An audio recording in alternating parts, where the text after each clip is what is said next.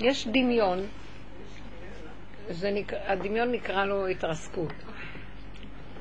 וכאבים זה הדמיון בריבוע. מה לעשות שאנחנו תחת חסות הדמיון? אתם יודעים משהו, בנות יקרות? אנחנו הרבה שנים בשיעורים האלה, לא? הרב, הרבנית מירי. ותגידו לי, יש לי דבר אחד להגיד לכם. אבל לתוך המיקרופון. נבלע את המיקרופון, זה הכי טוב. יש דבר אחד שאני יכולה להגיד לכולנו,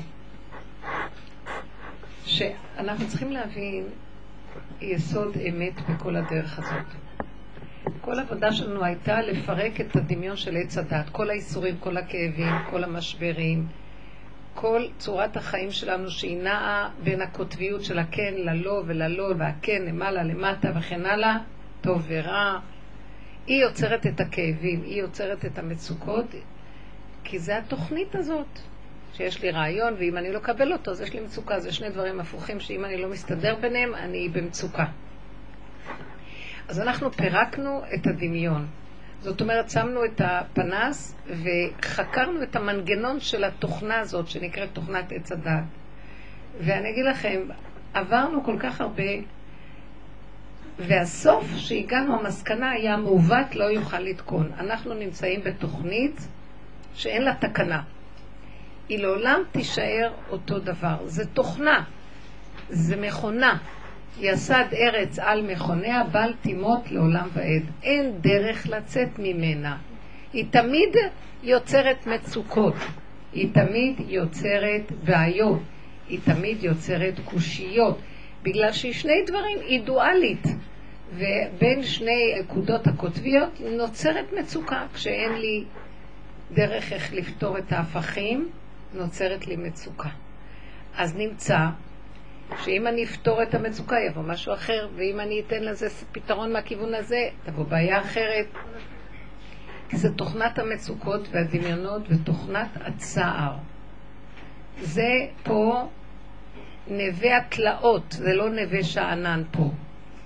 עכשיו, העבודה שלנו היא, וזה מה שאני רוצה שניכנס לרמה אחרת, ש... אחרי כל כך הרבה שיעורים שאת שומעת, הרבנית מירי, מגיעה עוד פעם אומרת המצוקות והמצוקות, זאת אומרת שאנחנו לא הפנמנו שלעולם יהיו כאן מצוקות, ולי אין כבר כוח למצוקות. תשש לי כוח הסבל ועבודה, כי אני רואה בהתבוננות שזה לא נגמר. אם כן, נמלטים. אנחנו עוקפים את התוכנית ובורחים ממנה. מי שרוצה לעמוד מולה, אז הוא יחטוף. ומי שממשיך להאמין לה, אז הוא יחטוף.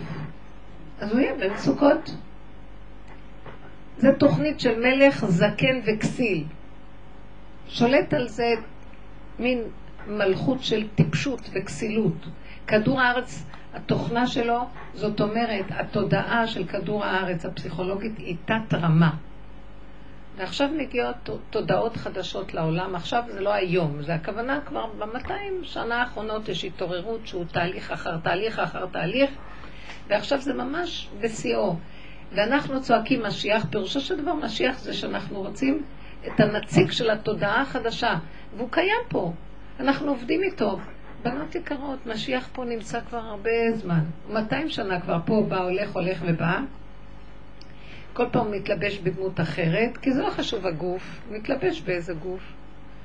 אבל אנחנו לא רוצים אותו, כי הוא לא יכול לתקשר איתנו עם התודעה שלנו, היא של כדור הארץ. הוא צריך שאנחנו נתכוונן לתודעה שלו.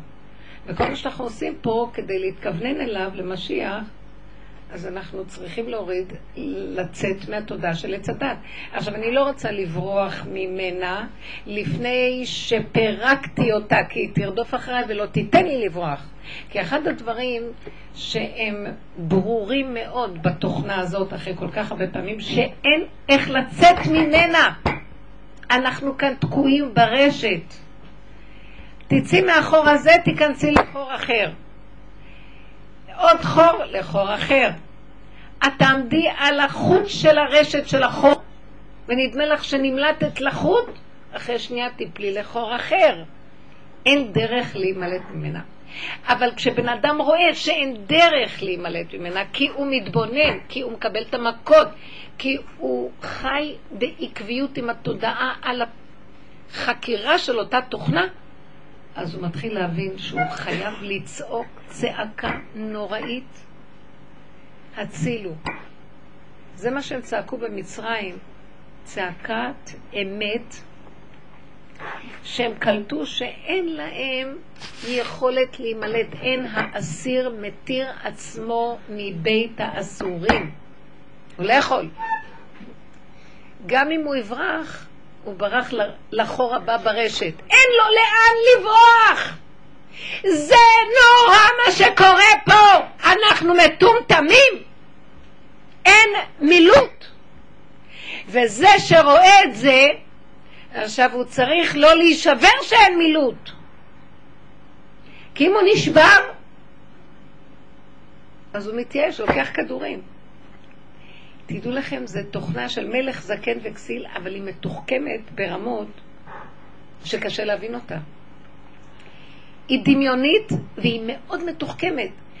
הוא, הוא ייתן לנו את כל האפשרויות למלט, והוא ישבה אותנו ויצוד אותנו בסיבוב אחר. אין לך לאן ללכת. את לא מבינה, ונדמה לך שנמלטת. אז אם כן, יש דרך אחת, והיא הדרך שאנחנו עובדים.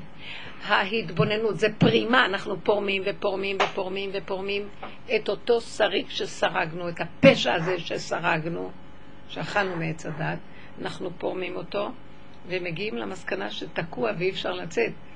זו מסקנה הכי חכמה שיש.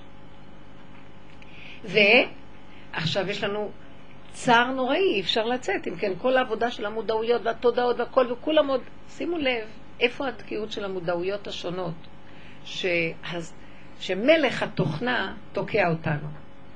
אז יש לאנשים הבנות מאוד גבוהות, והם קולטים ומנתחים את עצמם, והם מבינים את המהלכים של התוכנה שלהם, של עצמם, אבל הם נשארים תמיד במקום שהם הצליחו להבין, והם הצליחו לפרק. הם הצליחו להיות חיוביים במקום להישבר. שמתם לב? הם הצליחו להיות בסדר. הם הצליחו לפתור את הבעיה. עצם זה שהם מרגישים שהם עוד משהו כי הם הצליחו, אז זה סימן שהוא פתח להם פתח איך לשאוב אותם ולצוד אותם מזווית אחרת, כי הם עוד מרגישים את הישות של עצמם החיובית. ולא נשאר שום מקום. וזו חוכמה מאוד גדולה, וצריך בשביל זה לב חזק, נרבים חזקים. כלומר, להבין שכל התכלית לצאת מהתוכנה הזאת זה לא לברוח לחיובי, מהשלילי לחיובי, לשום מודעות. זאת אומרת, זו צריכה להיות מודעות מסוג אחר, שמוכנה להבין שרק השלילה, לשלול לגמרי את הכל, לשלול את האני על כל הזוויות שלו, לשלול את ההצלחה, לשלול את החיובי, לשלול את היכולת, לשלול את ההבנה. טוב, אני הבנתי. וואי, הבנתי. אתמול מישהי ישבה וסיפרה לי שעה, נתתי לה לדבר, והיא בעלת מודעות גבוהה. איך היא הבינה את המהלך של עצמה, ואיך היא ראתה את האחיזה של עצמה. כשהיא רצה להתנפל על מישהי, אבל היא, היא ראתה את המהלכים שלה והחליטה בסוף לא להתנפל. כי היא ראתה שהיא אחוזה והיא הבעיה, לא השנייה. מצוין. אבל אחרי זה היא אמרת לי, יצאתי עם כזאת הרגשה טובה, ויצאתי עם נקודה שאני יכול. הנה איך שתקע אותה עוד פעם. אז היא הלכה עכשיו עם הרגשה הכי נפלאה. אז אמרתי לה, ההרגשה הזאת שאת יכולה ונשארת חיובית, ועכשיו את תלמדי זכות על אותה אחת שרצית קודם לכסח אותה, ואת זאת שמסוגלת לוותר ולהתרומם ולהתעלות, תני לי את כל המקום הזה ותישארי במקום שאת לא יכולה כלום, כי עוד רגע שאת עכשיו ברמה חיובית ושמחה, יבוא לך ניסיון חדש. ויפרק לך את השמחה ויכניס אותך לניסיון חדש.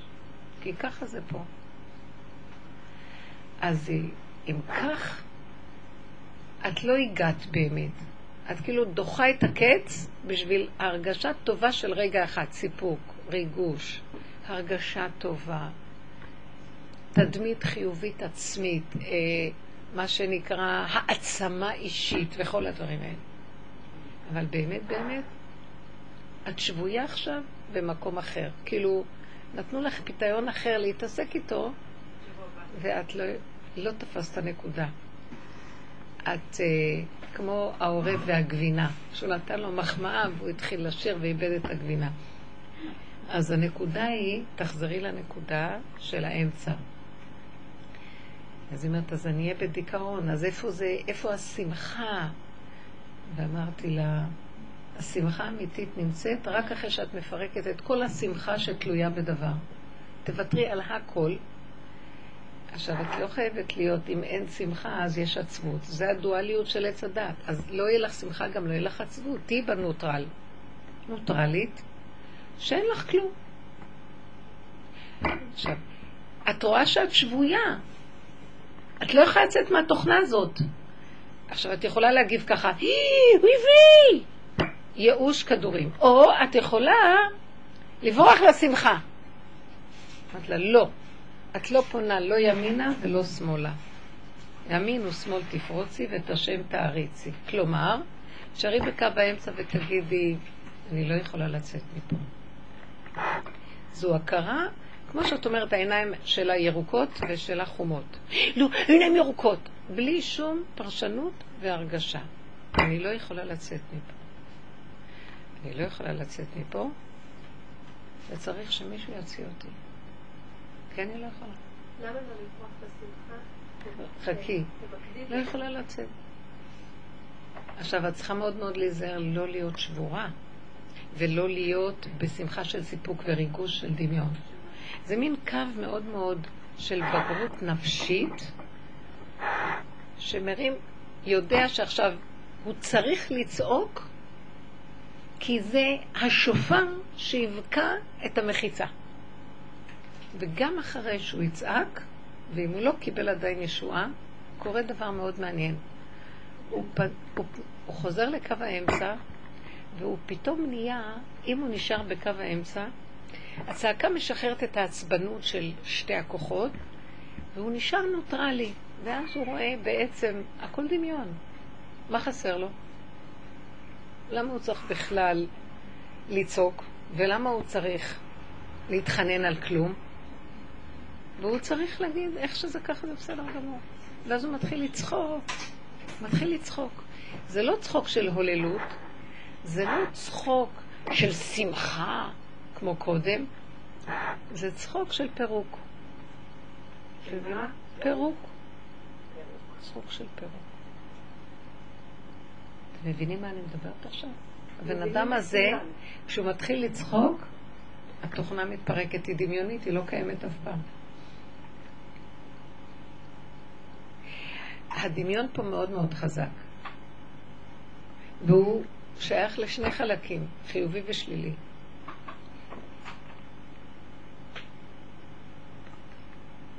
אז עכשיו מה שאלת? שמחה מה זה עושה?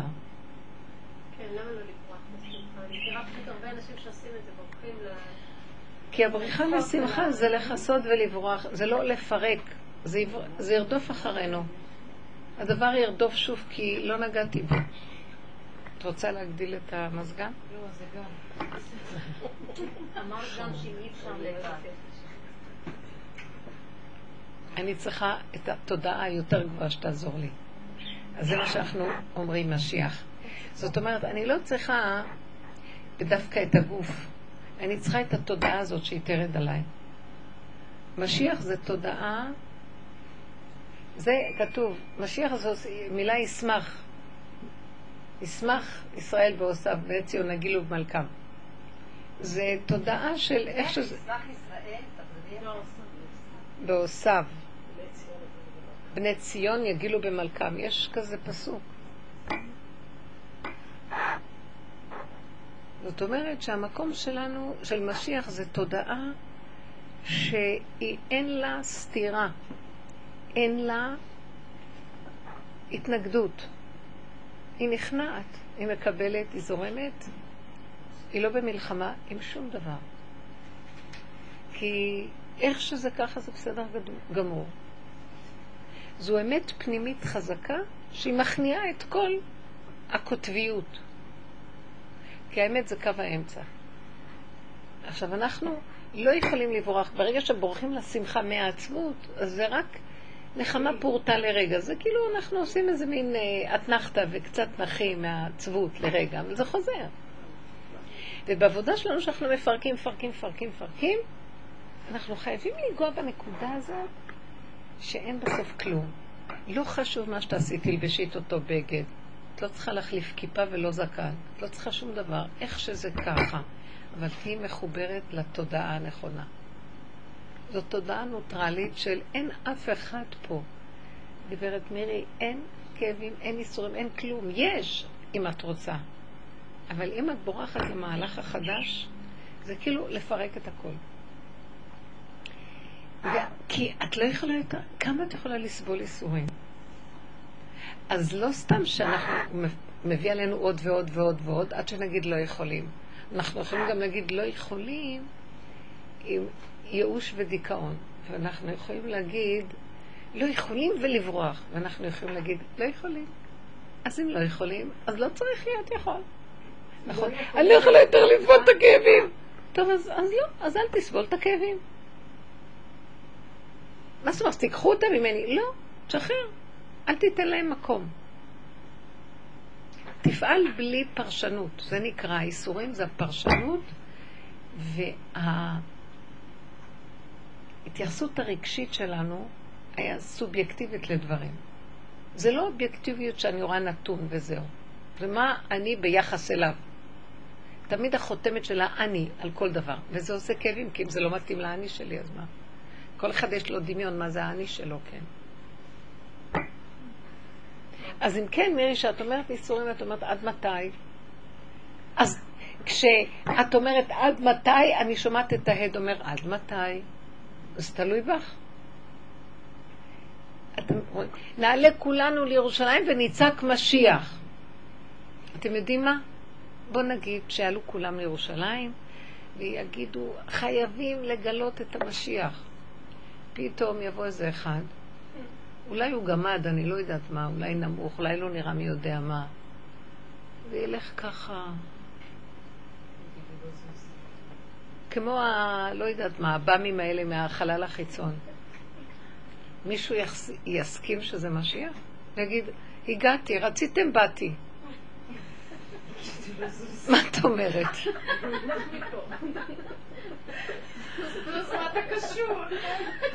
ואז מישהו יגיד, או יגיד לו, יש לך משהו לתת לי לשתות? הוא ירצה להיות בן אדם פשוט. אז זה יהיה שוק, לא? נכון שזה יהיה שוק? זה יהיה שוק גם אם ילד תימני אז אני רוצה... כן. בכל מצב זה יהיה שוק, לכולם אף אחד לא ירצה לקבל כי התימני... יגידו, לא, הוא צריך להיות תימני. כן, אחד יגיד זה. עכשיו, אבל יהיה אחד שיגיד, מי שיכול לעזור לו, נניח, זה אדם מאוד מאוד, צריך פשטות כדי להכיל אותו. כי תודעת כדור הארץ היא מסובכת, היא מורכבת, מבולבלת. היא, אה, יש בה ריבוי, היא לא פשוטה. פשוטה מלשון הפשטה. היסוד הראשוני הפשוט, שהכל בסדר. ואם השם נתן גוף וצריך לשתות, אז צריך לשתות. כי אם אני צריכה עכשיו לשתות, אתם יודעים מה, זה לא פייר. אני, אני חושבת ככה, הוא יגיד, לא צריך להגיד ברוך אתה השם. אם צריך לשתות, אז שותים. כי עצם הצורך לשתות זאת הברכה עצמה. קשה לנו להבין את זה? הצורך או השתייה? הצורך הנקי של הדבר זה האלוקות עצמו. כי הוא ברא את זה ככה. עכשיו, ברגע שהמוח של עץ הדת, זה התוכנה של עץ הדת, התנתקה מהאמת, אז היא מסתבכת ואומרת, לא, אם אני לא נגיד כל יום ברוך אתה השם, אז נשכח.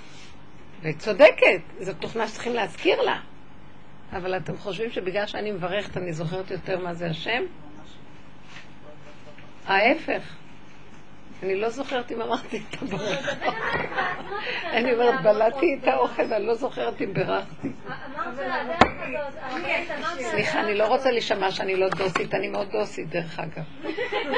לא, אל תסתכל. אני בגיהנום. שאני שייכת לשתי התוכנות.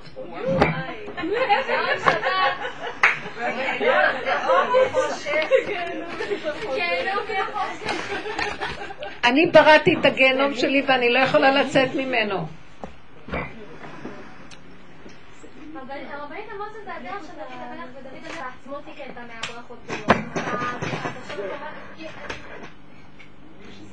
אבל כשדוד המלך בירך אז הוא בירך. אבל הוא תיקן ואנחנו הולכים כמו איזה דגים ו... בולעים את הברכה. אז הוא תיקן, גם כשאת תגיעי לאור כזה, כל היום רק תרצי להגיד, אה, טוב ובואו של מילים, וכמו נביאים יצא לך רוק ותהיי מחוברת עם השם, ויהיה לך חשמל. את לא יכולה אחר כך שיש לך את החשמל, ומי שיכתוב מה שאת כתבת, ואת תחכי את החשמל הזה ותדברי גם. זה לא אמיתי. הבנת אותי? ואז מה שאנחנו רוצים שיבוא משיח, שכולם יהיו ככה, שכולם יהיו נביאים וכולם יהיו עם רוח כזאת של אמת. היום בגלות אנחנו מחקים את מי שאמר, שאמר, שאמר, ואוי למי שיפרק את מי שאמר מהראשונים, כי אנחנו, אם הראשונים הם כבני אדם, אז אנחנו כחמורים. יש ירידת הדורות לפי הדעת. אבל הדבר הוא מאוד פשוט. אם סוגרים את הדעת הזאת, אין מדרגות. ואין הבנות, ואין השגות, ואין כלום, ויש ככה. שם נמצא משיח. ושם החשמל עובד. כי כשאין דעת, אז אין בעיה לחשמל להיות. אתם מבינים מה מתכוונת? הריאקציה של החשמל יוצאת יותר מהר. כי השכל עוצר את זה. השכל של עץ הדת לא נותן למצב האמיתי. החושים לא עובדים. משיח זה גם אותיות חושים.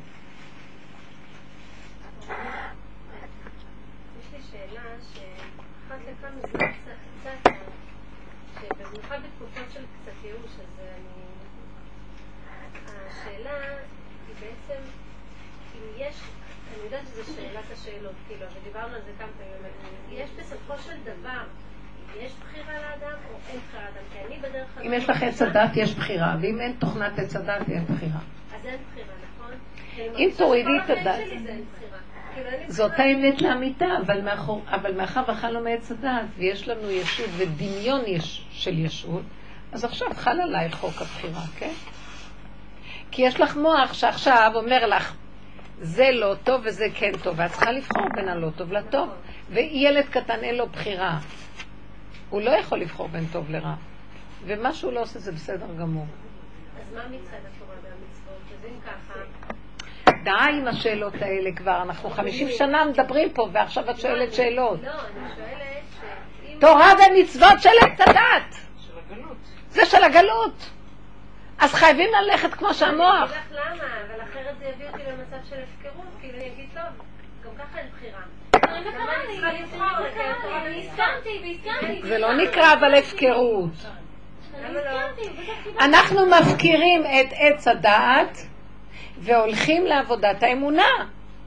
אז יש מה שנקרא פה, הסכנה שיקשיבו להפקרות לכיוון אחד, בלי לקחת את הכיוון של השני. איך אפשר לאזן בין שניהם בכלל? אני לא רואה... אם את מפקירה, זה רפיון. אבל הרפיון צריך להיות מופנה לכיוון התודעה החדשה. איפה שאני מפקירה את התודעה הישנה, אני רוצה להתחבר לתודעה חדשה. מהי התודעה החדשה? את יודעת איזה עבודה קשה זאת? להפקיר את הישנה ולעבוד על ככה זה בסדר, הכל זה בסדר, כלום לא... נשימה, עכשיו, אין, רק כאן ועכשיו. אין לי, לא רוצה לחשוב, לא רוצה פרשנות, לא רוצה לחשוב על מישהו מה הוא ואיך הוא ולמה הוא, זה לשון הרע לא קשור אליי בכלל, מה קשור שלי אליו, אני כרגע חיה כאן, זה המשבצת שלי, זה הגבול שלי, זה הנקודה. את יודעת את העבודה הזאת? זה לא נקרא הפקרות. אבל בן אדם ישמע מה שאני אומרת, הוא יגיד, אה, לא צריך לברך. אבל דוד המלך, הוא יצר מציאות שהברכה, הוא לא ברך, הוא היה הברכה. מבינה את ההבדל? זאת עבודה מאוד קשה. זאת עבודה שיש, אז זה לא הפקרות מה שאני מדברת. נכון, זה נשמע כאילו, כולם תופסים את התודעה של עץ הדת, כאילו זו האפשרות היחידה שיש, אז לכן לא יורדים ממנה. את חוזרת לאותן שאלות. אז מה התורה אומרת? לי, כן. אני חשבתי שזה הפקרות כאילו לכיוון ההפקרות, כאילו, אבל את אומרת שבעצם זה לא הפקרות, כי זה יש לך עבודה עכשיו אחרת. אבל את יודעת שאנחנו מדברים על זה כל הזמן, שיש לנו עבודה מסוג אחר. החלק הראשון שזה לא הפקרות, זה עבודה על עצמנו להתאפק, להפנים, לא לזרוק על השני, להכיר את עצמי, להודות בפגמים שלי, לפרק את כל הקלקול ולראות שזה אני ולא השני. ועכשיו החלק הבא זה לא להגיד, אוי, אני גם יכולה להתגאות מזה שאני רואה שאני מתבטלת ויש לי עבודת השם. אז עכשיו גם הגאווה אסורה עליי, כי אני חייבת לעבוד. רבנית. את לא הקשבת למה שאמרתי, מה פתאום את באה ושואלת אותי? את דיברת באמצע שאני דיברתי. ורדה. לא, היא דיברה עבודה, היא דיברה עבודה. אבל אני הייתי באמצע דיבור. לא, אנחנו הבנו מה שדיברת יוצא מן הכלל. כן? זה יוצא מן הכלל. ורדה מדברת מהבשר. אבל אני רק, יש לי שאלה אחת, וזה מה שמטריד אותי כל הזמן. אני נורא חשה, לא זכרתי איך בירכתי בכלל. את רואה? הנה הברכות. דוד המלך היה אוכל והיה ככה ריח כמוני? נו. על כל ביס וביס? אני הרבה פעמים עושה ברכות בכלל לא זוכרת אם זה היה או לא היה. אני, מה שאת אומרת הוא במאה אחוז, במאה אחוז, ככה הוא. אני רק רוצה שתרדי לחיי מעשה. טוב. תני דוגמה מחיי מעשה. את עכשיו מקבלת אורחים, איך בחיי המעשה זה מתבטא?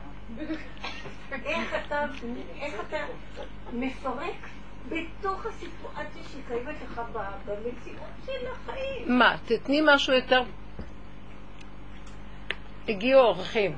טוב, יש אורחים, אז יש לכם הרבה בישולים. יש בכל זאת לעשות אה, אה, דברים שאתה לא יכול, אה, כמו שאני אומרת, להיכנס לעץ הדת אתה מוכרח. השאלה איך אתה, איך אתה פועל. תקשיבו, אני אמרתי מה לעשות ומה לא לעשות, לא על זה דיברתי. אני דיברתי על איך אנחנו עושים את מה שאנחנו עושים, לא את מה. כלומר, באו אליי אורחים, ועכשיו אני יודעת שאני צריכה לסדר להם ארוחה. אורחים לא באים סתם.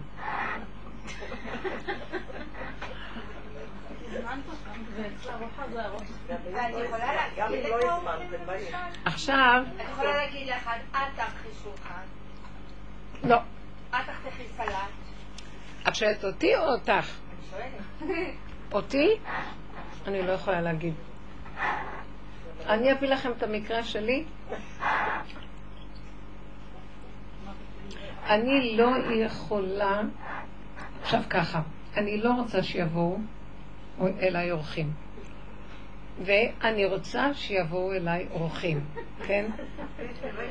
אני רוצה שיעזרו לי, כי הגוף שלי לא מכיל שאני אכין לבד כל כך הרבה דברים.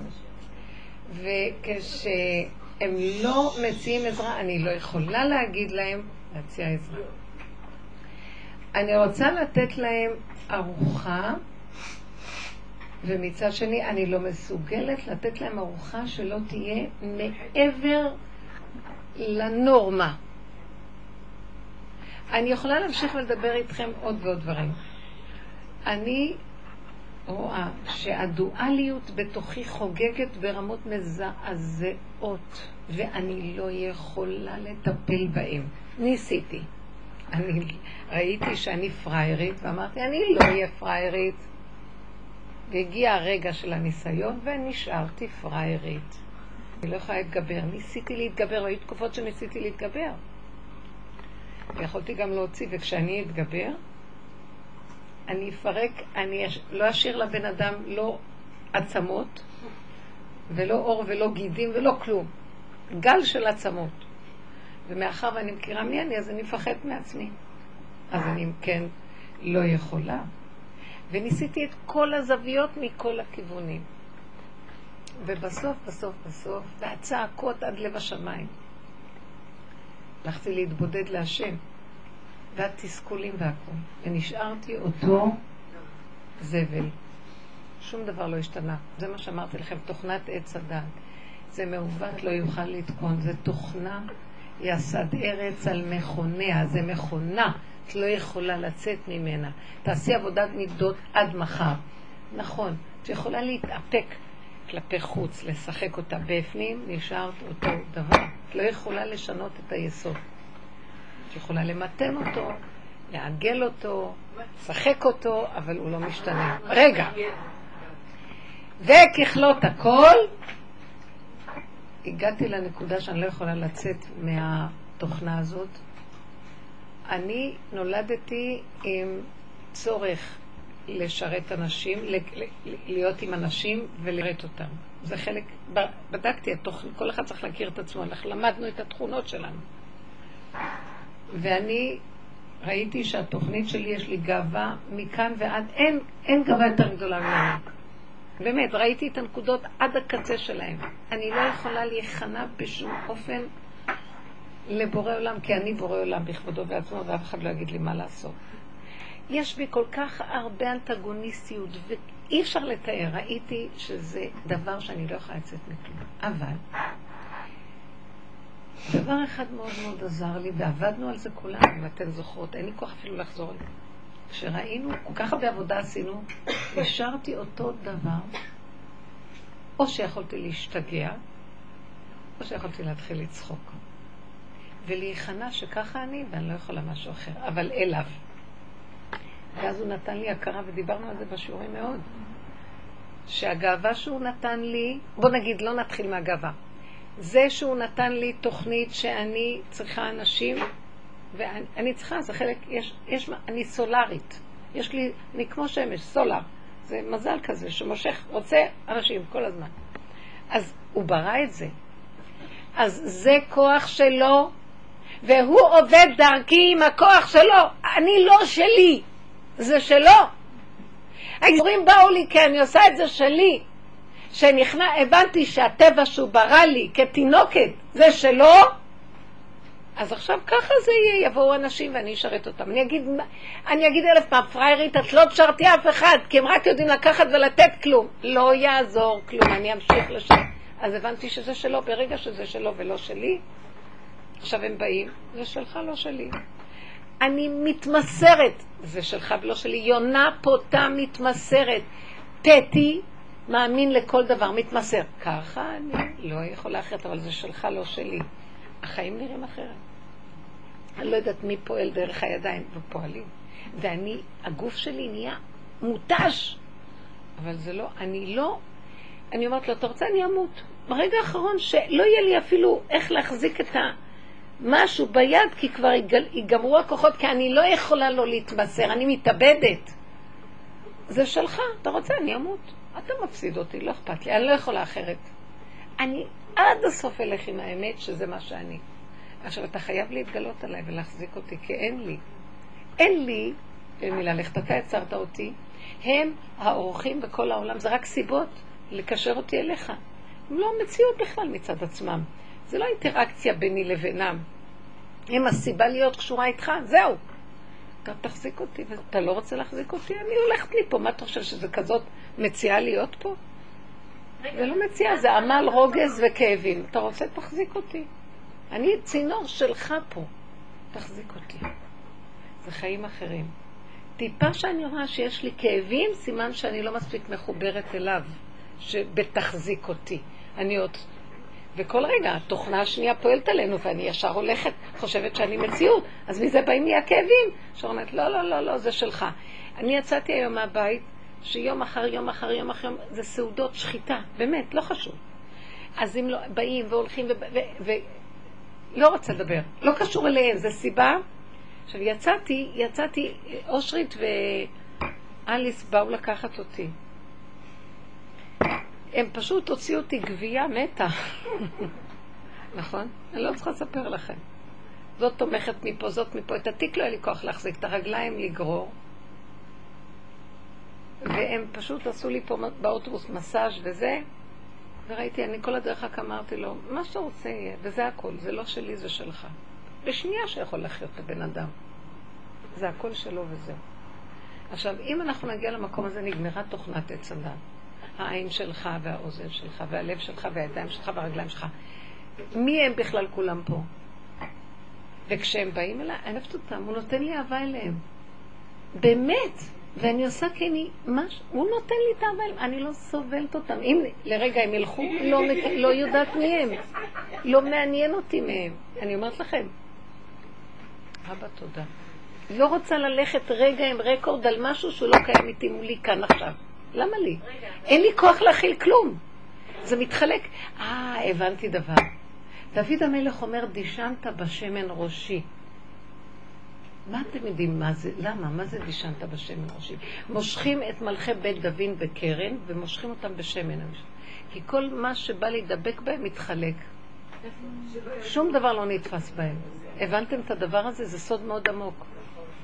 כלום, ריק, ריקים. כלי ריק להכרת, אה, אה, אה, להכלת כוח האנרגטי, האלוקי, היקומי. פה, בעולם הזה. כי הוא רוצה, הוא יותר רוצה ממני, אם יש לי כבר איזו ישות, אז הוא רוצה את הכלי שלי פה יותר ממה שאני רוצה להיות פה. כי הוא צריך לרדת פה ולהתגלות. האנרגיה הזאת רוצה להיות פה. זה כל התכלית של כל התוכנית, העלילת דברים הזאת. זה סוד נוראי. יש כאן איזה דבר שלא מבינים, שמה היה צריך את כל זה, וזה, וזה, וזה, מין עלילת דברים, בא עץ הנחש, העניינים פה, מכאן לש... כי זה המשחק שלו, שהתכלית שלו זו שהוא רוצה לתת עם האור הכי עליון למקום הכי תחתון. מבריח מהקצה לקצה. זה, זה המשחק האלוקי. כמו השעון אה, חול. טאק, וסובב אותו, ועוד פעם, מה אכפת לכם? זה האינסוף שלו. וזהו. אז הוא רוצה להתגלות פה עכשיו, גילוי בית מקדש. דרך אגב, כל העבודה שעשינו, הרבה שנים, עשרים שנה של פירוקים לא נורמליים בקבוצות, של התוכנה הזאת של עץ הדת, היא נקראת עמלק. זה עשינו מחיית עמלק.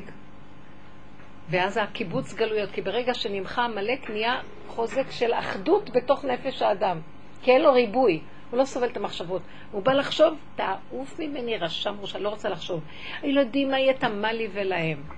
מה יהיה מחריך אני אוכל? לא רוצה, לא נמאס לי מהחיים, לא אכפת לי מה יהיה מחר, הרגע וזהו. זה נקרא קיבוץ גלויות. את מתקבצת לכאן ועכשיו, כל הכוחות שלך מתקבצים ליחידה אחת. ואז תגידי, כתוב לעתיד לבוא, הקדוש ברוך הוא ייתן לנו 248 עבדים לכל אחד, שישרתו אותו. אמרתי, איפה אני אשכיב אותם לישון ולהאכיל אותם רק? מה הוא עושה לי פה? שיביא פיליפינית אחת, נראה. בסוף הבנתי שזה רמה חברים של האדם. 248 איברים שישרתו אותו, ואני מרגישה הוא מכניס אותי למטבח. אני לא מרגישה את הפעולות. המוח לא עובד, בידיים עובדות, אני יכולה אחר כך לצאת כמו שאין לי טיפת חיות כוח, לא הכוונה חיות, אלא תשישות פיזית. לא חשוב. הוא יחיה אותי בשנייה אחרי זה. אבל זה הפעולות נעשות מעליהן. והם כל הזמן אומרים לי, איך את עושה את זה? איך את עושה את זה? מטומטמים, אמרת להם, אני שונאת אותם שהם את זה. לעזור הם לא עוזרים, ורק להשקיף מלמעלה ולעשות לי עין רעה. ואני אומרת להם, זה בורא עולם. יש לי איזה מישהי אמריקאית כל הזמן. אמרת להם, זה בורא עולם. זה בורא עולם. זה רק השם. טוב, הם צוחקים, אוכלים, שותים, ולמי תדברים? אז הנקודה היא, יש לי איזה מישהי מאלה שבאות אליי הרבה, ש... שצוחקת עליי כל הזמן, בסוף נוגעים בה, נוגעים בה, נוגעים בה, כל הגוף מדולק, ובסוף, והיא לא יכלה להזיז את הידיים והרגליים, ובוקר אחד היא קמה ויכלה להזיז את הרגליים. אז היא אומרת לי, זה בורא עולם. רק כשנגעו לה בגוף, אז היא הבינה שזה בורא עולם, מדבר להיפוכו. אז הנקודה היא, למה שיגע בנו? הלוואי ולא. אם אנחנו נכיר, יש מה שנקרא תלמידי חכמים, יש להם מעלה. אני מאוד אוהבת תלמידי חכמים. וזה מה שאנחנו עושים פה, זה בית מדרש. אם אנחנו לומדים את העקרונות ועובדים איתם, לא צריך שיכו אותנו מכות נמרצות וחלילה נגיע לחורבן הגוף. חבל. למרות שגם, זה גם כן כאבים. גם זה שאנחנו מתבוננים ויורדים לשורשים של כל דבר, יש לנו איסורים מזה. זה להיאבק עם הגאווה, עם ה... כל מה שאני לא רואה בתכונות שלי, אני כבר מסרתי אליו, כי אין לי כוח לטפל, אין לי כוח לעבוד על עצמי, אין לי כוח, כלום. ההכרה והדיבור לחי עולמים. זה שלך וכזה. מה אכפת לך? זה שלו. זה נקרא התחלה של מדרגת הביטול. היש הופך ל... קודם כל עשינו מהיש החיובי ללא יש, לשלילי. הפכנו את היש החיובי לש... ללא. אני לא חיובית. זה נורא קשה, האגו מתפוצץ מזה, הוא לא יכול לעמוד בזה. אני לא? אנחנו כל כך מאוימים שמישהו יראה לנו את השלילה שלנו, שזה החיים נגמרים ברגע אחד. תעמדי בזה ותגידי, אבל זה מה שאת רוצה. עזבי מה שהוא אמר לך, עזבי זה, אבל זה מה שאת רוצה. את, מי את בכלל? נכון. הוא אמר לי, טיפשה. נכון, אני באמת טיפשה. אני. יש רגע אחד שהשם נותן לי חוכמה. רוב הזמן אדם גולם מטומטם. מישהו לא יחיה אותו, אין לו בכרחיות. הכל נכון, נכון, נכון. אז זה שלילה, זאת אומרת שלילת היש. משלילת היש אנחנו נגיע לעין. אי אפשר להגיע מהיש לעין. צריך את המעבר מהחיובי לשלילי. כמו שכל עיקר העבודה של עץ הדת בכל הדורות, לקחת את הלא השלילי ולעשות אותו חיובי. סור מרע ועשה טוב. בני אדם בעולם לא יכולים להיות רעים. הם יהרגו אחד את השני, אז הם צריכים להיות טובים. אז זו הייתה עבודה מאוד גדולה בכדור הארץ, כי זה היה מול העולם. אז הייתי צריכה להיות טובה ולא רעה. עכשיו אני מול בורא עולם, אני מחזירה את הכל בחזרה אליו. אז אני חייבת להחזיר אליו את ה... אם אני אלך אליו חיובי, בורא עולם זה לא יש ולא לא. את לא לבוא אליו חיובי. ברגע אחד מפרק אותך. הן בקדושיו לא ייאמן. הקדוש ברוך הוא לא מאמין לא בקדושים שלו ובמלאכים שלו ישים תהלה. ולא יצדק לפניך כל חי. אז כשאת באה עכשיו בתהליך האחרון להתקלל באנרגיה יותר גבוהה מכדור הארץ, בתודעה הזאת, זה נקרא כוח אלוקי, את חייבת לבוא, את לא יכולה לבוא אם יש חיובי. תגידי, את, את מפגרת? את יכולה לבוא, להגיד להשם, תראה, מה עשיתי? מיד קמים עלייך כל המקטרגים באוזלם וצוחקים עלייך, זה נקרא מה שעשית, גנבת. כל מה שאת עושה, את גנבת, את לקחת את זה, את מדומיינת, את הרגת כמה מהצד על מנת להשיג משהו, זה נקרא מה שיש לך משהו בכלל. בואי, בואי, נראה, תפרקו לך דבר דבר, יעשו בית דין קטן ויוציאו אותך ישר למשרפות. את לא מבינה? אז מוטב שכשאת מגיעה למדרגות האלה, רק לבוא בעין. כי זה הדבר היחידי שמשתיק את הקטרוגים. טוב טוב, הביטול, הכנעה. כן, כמו שאנחנו באים ביום ראש השנה, ביום הדין הגדול, ראשו של זה בזנבו של זה, כמו בני מרון, כמו עדר. ואז כבקרת רואה עדרו, הוא מציב את השבט שלו תחת שבטו, הוא מתחיל לספור, אחד, שתיים, שלוש, עשר, מסמן, אחד, שתיים. פתאום מישהו ירים ראש, אה, יגידו לו, אה, אתה עמוד בצד, אל תרים ראש, לך. עכשיו סופרים, מונים שקט, לא להתבלט בכלום, זה יסוד העין. אז זה המקום, העבודה הזאת, אנחנו הולכים לכיוון הזה. אז עכשיו ראיתי כמה עבודה, וזה לא בא בהתחלה, את יכולה ישר לבוא ליסוד העין מהיש החיובי. איך אפשר לוותר? כל כך הרבה עבדת והשגת, כאילו במרכאות. באמת, אנשים עבדו על מידות. אנשים עבדו, כן, התאפקו, לא עשו מה שבא להם. אי אפשר להגיד שלא עשו שום דבר. אנשים צדיקים, כן. אבל מול בורא עולם לא, יכול, לא יכולים לבוא עם הצדקות הזאת. מול, מול, מול העולם הם יכולים, אבל לא מול בורא עולם. עכשיו, זו עבודה של לעשות תשובה שלמה מחדש. זה לא תשובה של סור מרע ועשה טוב, אל תהיה רע, תהיה טוב, עשית תשובה. זה קח את כל הטוב ותחזיר אותו בחזרה לשורשו ואין לך כלום. זו תשובה מוחצת. זה אין לך כלום. זה תשובת התשובות. ומי שעוד לא עושה את התהליך של סור מרע ועשה טוב, יכול ישר לקפוץ לדבר הזה? או שזה תמיד השם יחזיר אותו קודם כל ללעשות את סור מרע ועשה טוב, ורק אחר כך את הדבר הזה? באופן טבעי. שימו לב, נניח בעלי תשובה שחוזרים בתשובה, בואו ניקח, היו חילונים, זו דוגמה טובה. באופן טבעי הם ירצו בהתחלה ללכת בתורה ולעשות מצוות, ולהרגיש חיובי, ולעשות דברים טובים שזה משמח אותם. זאת אומרת, נותנים להם, אם קודם היה להם שטן שלילי, עכשיו נותנים להם שטן חיובי. מתנה. עכשיו, שבאיזשהו שלב, אבל הם לא יכולים להתיישב שם הרבה זמן כמו החרדים שהם מדור לדור לדור חיובי, כי התכלית להביא אותם מיד לשלב הסופי, כי אין הרבה זמן כבר. אז אומרים להם, עכשיו קח את כל השטן החיובי ותרים אותו להשם. אין לך כלום. זה קשה, אבל אצל אלה שאין להם את זה הרבה זמן, והם מכירים את הרע של עצמם, כי הם לא בקלות, בקלות מתהפכים להיות כאלה צדיקים, יותר קל להם לעשות עבודה, כי הם מודים באמת, נכון.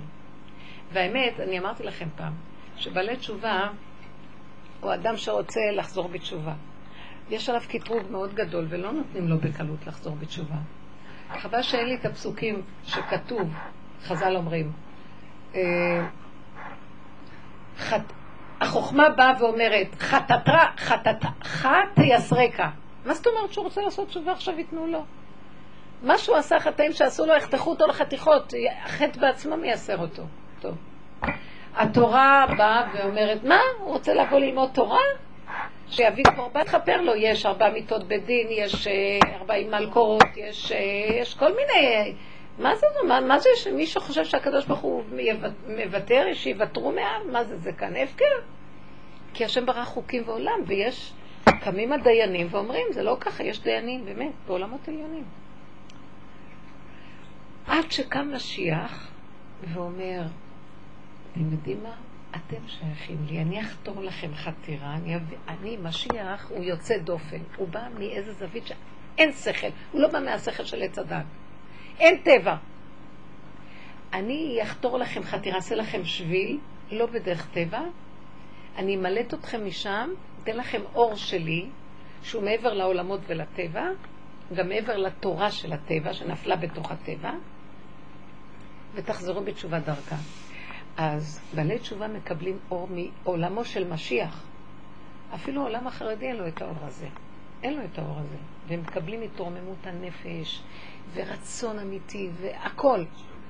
אבל יש איזה שלב שהם כבר מתיישבים טוב בתורה וזה וזה, ואז הוא אומר להם, טוב, תחזירו לי עכשיו את האור שלי, אני רק עשיתי, נתתי לכם הלוואה, אתם שייכים לי, אתם תחזרו לדרך שלי. אל תתיישבו טוב בטוב הזה. תחזרו אליי. אנחנו תלמידיו של משיח. הוא אומר, אתם שייכים לי, הבנתם? אז הוא לא נותן לנו להשתהות, לא נותן לבעלי תשובה להשתהות הרבה זמן במקום הזה. ולכן העבודה הזאת מאוד מתאימה לבעלי תשובה. היא מתאימה לנשים גם.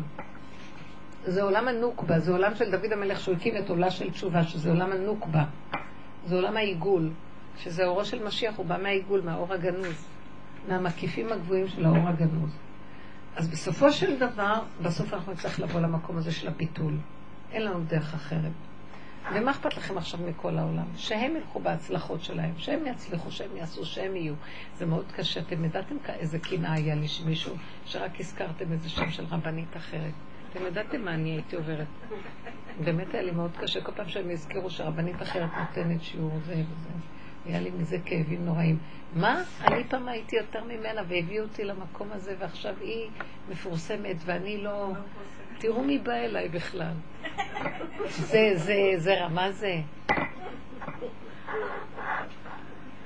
אבל בסוף ראיתי שאני עושה, זה עושה לי כאבים, ואמרתי, חבל לך על הכאבים, לא רוצה כאבים, נמאס לי מהכאבים. טוב, זה הרמה, כן. כן, מתחת לאדמה זה טוב. כן, כן, זה בסדר, לא רוצה להיות שייכת לעולם. זה עזר לי מאוד, כי אני לא יכולה לעמוד בקנאה, אתם לא מבינים? זה עוזר לי, זה נותן לי חיים טובים. טיפש מי שסובל בשביל הקנאה, כי הקנאה תהרוג אותו. תברחו, תברחו. קנאה, כעס, זה לא ייגמר, אנחנו נערוך, אני ארצח את כל העולם מרוב עצבים. מה אתם חושבים? הכעס וה, והעצבים וה, והקנאה, מידות חזקות, קשות. מה אתם חושבים? זה פשוט, דוד המלך היה רוצח. במכת חרב אחד הוא היה הורג 800 איש. אתם יודעים איזה כוח של שנאה היה לו? השם אמר, אתה לא יכול לבנות את בית המקדש. אבל לא כאילו כל אדם לא נולד באמת עם תכונות כל כך חזקות, הוא נולד עם התכונות האלה, וזה כנראה מתקצר עם הזמן. נגיד את, כנראה, נולדת עם הכוח להתמסר, אבל עם השנים זה הפך להיות התייסרות טוטאלית לא נורמלית. אני אומרת, זה לא, לא שמלכתחילה ככה נולד. תראי, הבן אדם לא נולד. בפועל, הוא נולד בכוח. כלומר, יש לו בפוטנציאל, בגנים שלו, יש לו יכולות, שכשנותנים לו את הסיטואציות ואת המצבים המתאימים, הם, הם יוצאים לידי ביטוי. ילד קטן מסכן, הוא יכול להיות, הוא נולד, זה חז"ל אמרו בגמרא, אדם שנולד במזל מדהים, אז הוא, יש לו נטייה לשפוך דמים. עכשיו, אם הוא נולד בבית של צדיקים, אז הוא יהיה מוהל, הוא ישחט, הוא כמו דוד המלך, כתוב, משנא השם יכחשו לו, הוא היה יוצא למלחמה והיה אומר, אני אהרוג את כל משנא השם. אבל אם לא, אז הבנ... זו אותה תכונה, התנאים לא התאימו, אז הוא בסוף יכול להיות אה, רוצח, הוא יכול להרוג אנשים. ו- ואת יודעת מה, אם הוא יעבוד בדרך הזאת, הוא יכול להגיד להשם, מה אני השם? זה התכונות ששמו לי, זה הסיטואציה. אין לך טענה עליי. הטענה, אם אתה רוצה שאני אלך עם מה שאתה רוצה ממני, אתה לא יכול לשים לי מוקשים מיתר על המידה. אני חסר אונים. אתם יודעים, אם אדם בא עם הטענה הזאת בבית דין של מעלה, יקשיבו לו. בית דין של מעלה זה בוא נגיד דיני שמיים. דנים, כל אדם עובר דרך בית דין של מעלה. ואז דנים אותו. מה זה כך וכך וכך, ומה כך וכך, ומה כך כך, ומה כך וכך. על פי השכל, זה לא יכול להיות. היית צריך להתגבר, היית צריך זה, והיית, והיית צריך וצריך. אז רב אושר היה אומר, תגידו להם בבית דין של מעלה, אבל תתאמנו, זה צריך להתאמן על זה פה, כשהתודעה תהיה ברורה. כי כש... כשיוצאים מהגוף התודעה, אם היא לא חזקה והיא נהיית, מה זה חזקה? שהיא חרוטה בבשר, אז היא מתנדפת, ואדם לא זוכר מה להגיד. כי היא לא מעשית אצלו, היא רק בידע שלו, בהבנות. אז הוא אמר, תגידו, אתם לא יודעים מה אני עברתי, כי אתם רואים לעיניים. הבית דין רואה לעיניים. אבל השם רואה ללבב. קחו אותי לבית דינו של השם. הוא יודע כמה נפלתי, כמה קמתי, כמה צעקתי, כמה התפתלתי, כמה זה, ולא יכולתי לעמוד בכלל. הוא יודע, קחו אותי עולם. אתם יודעים? אתם יודעים? אתם מבינים מה אני מדברת? זאת אומרת, כי השם יראה את הלבב של האדם כי הוא באמת, השם רואה את האמת באמת. ו, ודיינים יכולים לראות עד איפה שעיניהם רואות, אפילו בדין של מעלה. כי האמת של בתי הדינים של השמיים שייכת לאמת של השמיים. זה לא האמת האבסולוטית, שהיא האמת מארץ תצמח, שהיא באה מהבשר. לכן אדם שהוא עובד עם הבשר בעולם הזה, זאת אומרת הניסיונות והאיסורים והכאבים והצעקות, ועוד פעם הוא קם ונופל וקם, והוא לא נשבר ועוד פעם ועוד פעם, עד שהוא נהיה עם עמוד שדרה כזה, הוא יכול להגיד, קחו אותי. תודה. כי אין לו אפשרות אחרת. אתם מבינים מה אני מדברת? אבל צריך לעמול. אין לו אפשרות אחרת. צריך להיות אמיתי פה בעולם הזה עם עצמו. דובר אמת בלבבו. מה זאת אומרת? הוא לא צריך להוציא את האמת שלו החוצה מול השני. אבל בינו לבין בורו הוא חייב כל הזמן להיות בדיוק. כי למה הוא לא צריך להוציא את זה החוצה? יהרגו אותו, אנשים פה אכפת להם מהאמת. אם תלך עם האמת, תגידו אתה משוגע וזה. מה אתה צריך לעבוד? צריך לשחק בעולם. אז צריך מאוד לעבוד עם האמת הפנימית שלנו. אנחנו צריכים להיות עם האמת, עם עצמנו, ואת צריכה להיות עם... אני צריכה להיות עם האמת שלי עם עצמי. כשאני עכשיו באה ואני אעשה ככה, אני אומרת לעצמי, שקרנית. את מרמה את עצמך, את לא מבינה? צריך להיות לנו מצלמה עקבית שמצלמת את זה ומחזירה זה ועושה עיבוד נתונים. שקרנית. את לא אמיתית. את לא נוגעת בנקודה באמת, את בורחת. זה צריך להיות מנגנון, והדרך הזאת, דרך אגב, הדרך הזאת יוצרת לנו את זה, אתם לא זוכרות, אתם לא שמות לב, כל פעם שקורה משהו, ישר אני, הקול הפנימי הזה, ישר מנחה אותי. הוא אומר לי, את מי את מרמה? מה?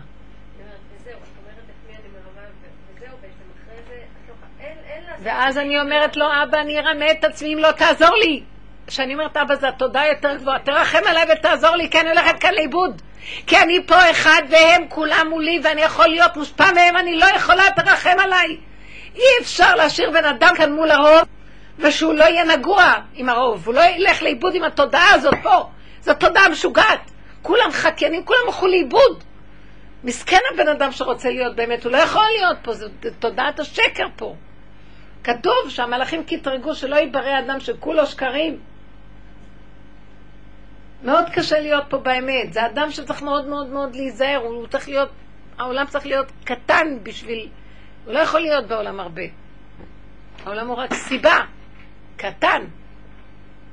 הוא גם לא יכול להתנתק לגמרי, כי דרך העולם הוא יכול לראות את עצמו, אחרת הוא לא יראה את עצמו. אז זה צריך להיות דקות של מינונים, כל פעם מחדש. אבא תרחם, ואז להגיד לו, אבא, מה כוחי? מה כוחי כי אייחל? יש, כל זה כתוב ב, בסליחות, בזה. היהודים בוכים את כל הזמן את המקום הזה. כי היום איבדנו את מדרגת היהודי. אין את הדקות הזאת של עובד השם אמיתי עד הסוף. עד שבסוף נגמרת העבודה, אין לי כוח לעבוד בכלל. אני אומרת לו, אין לי כוח לעבוד. אין עבודה יותר. אם תבקש ממני לעשות תשובה ככה, אני, אני, אני, אני אחריב, אני אעשה מהשמיים הדומיים. אני לא יודעת מה אני אעשה. אני, אל תצפה ממני לתת לך שום דבר, כבר אין לי כוחות לכלום. תתגלה וזהו, תרחם וזהו, שמור עליי וזהו. אני רוצה להיות גולם שלך ואין לי כבר כוח לכלום. זה, זה נקרא לבטל את הבחירה. כן, התכלית היא לבטל את הבחירה. כן, לבטל את הבחירה. אה? יש, כן. תראו, כאילו יש, אבל אני לא רוצה אותה יותר. כי אין לי כוח אליה, היא, היא שקרנית, היא רמאית, אין בחירה באמת, זה סתם דמיון. זה רק לצורך התיקון של עולם השבירה נתנו את הבחירה הזאת, אבל באמת באמת אין בחירה לאדם. מסכן, שמו לו את הנחה, שמו לו את זה, שמו לו מאיפה הוא יכול?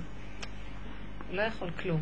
והשם רוצה, מה התשובה שאדם הראשון לא עשה? עשה אותה דוד המלך שקיבל 70 שנה מחיי האדם הראשון. אדם הראשון לא יכול היה להגיד, אה, סליחה, לא יכולתי. הוא האשים את האישה והצדיק את עצמו. ובא דוד המלך ואמר, הוא הודה באמת, שנתן הנביא בא אליו והאשים אותו בחטא בת שבע, הוא אמר חטאתי נגדי תמיד, אני מצטער, נכון. נכון, אני חטאתי, הוא הודה באמת. אז אם היינו מודים מול השם, הם לא יכולים. זהו, היה נגמר כל התיקון, הוא לא הודה. אבא שרי היה אומר, רק האדם הראשון קלקל, לא זה שהוא אכל מהנחה, זה, זה בלאגן. למה הוא לא הודה אחר כך? הוא אמר, לא יכולתי אחרת. אבל אומרים שהוא לא, כאילו, לא, לא אה? לא, אבל דוד דיברה על דוד המלך. לא. תראי, עם כל זה שעל פי ההלכה הוא לא חטא, כי בת שבע הייתה פנויה, והוא יכול היה לקחת אישה פנויה. אבל הוא תחמן את הסיפור. הוא... הוא עשה את זה שזה... בדיוק. הוא סובב סיבות שהן לא באו מצד השם. בסוף הוא הבין שזה גם השם. כדי להכניע אותו, כדי שיעשה את התיקון של האדם הראשון שלא עשה, ויודע שהוא לא יכול היה. אז גם זה השם סובב לו, שהוא הכניס לו את הרצון לתחמן את הסיפור ולשלוח את אוריה החיתי למקום מאוד מסוכן, שימות שם. אה? כן, אז הוא הבין בסוף, והוא צחק. בסוף, בהתחלה הוא אמר, חטאתי נגדי תמיד, והוא כאב לו על זה. אחר כך הוא גם אמר, לא יכולתי גם אחרת. רב אושר היה אומר שדוד המלך הגיע למקום שגם חרטה כבר לא היה לו. כי הרשעים מלאי חרטה וגם חרטה לא היה לו. כי אם יש חרטה, זאת אומרת שיכולתי לעשות משהו אחר. או התנצלות. אין התנצלות, אין חרטה. ככה זה וזהו זה. הלאה. בואו נמשיך הלאה. מה קורה?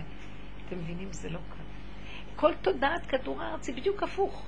למה עשית ככה? חבל, יכולתי לעשות ככה, למה אני אעשה ככה? פעם הבאה אני אעשה ככה.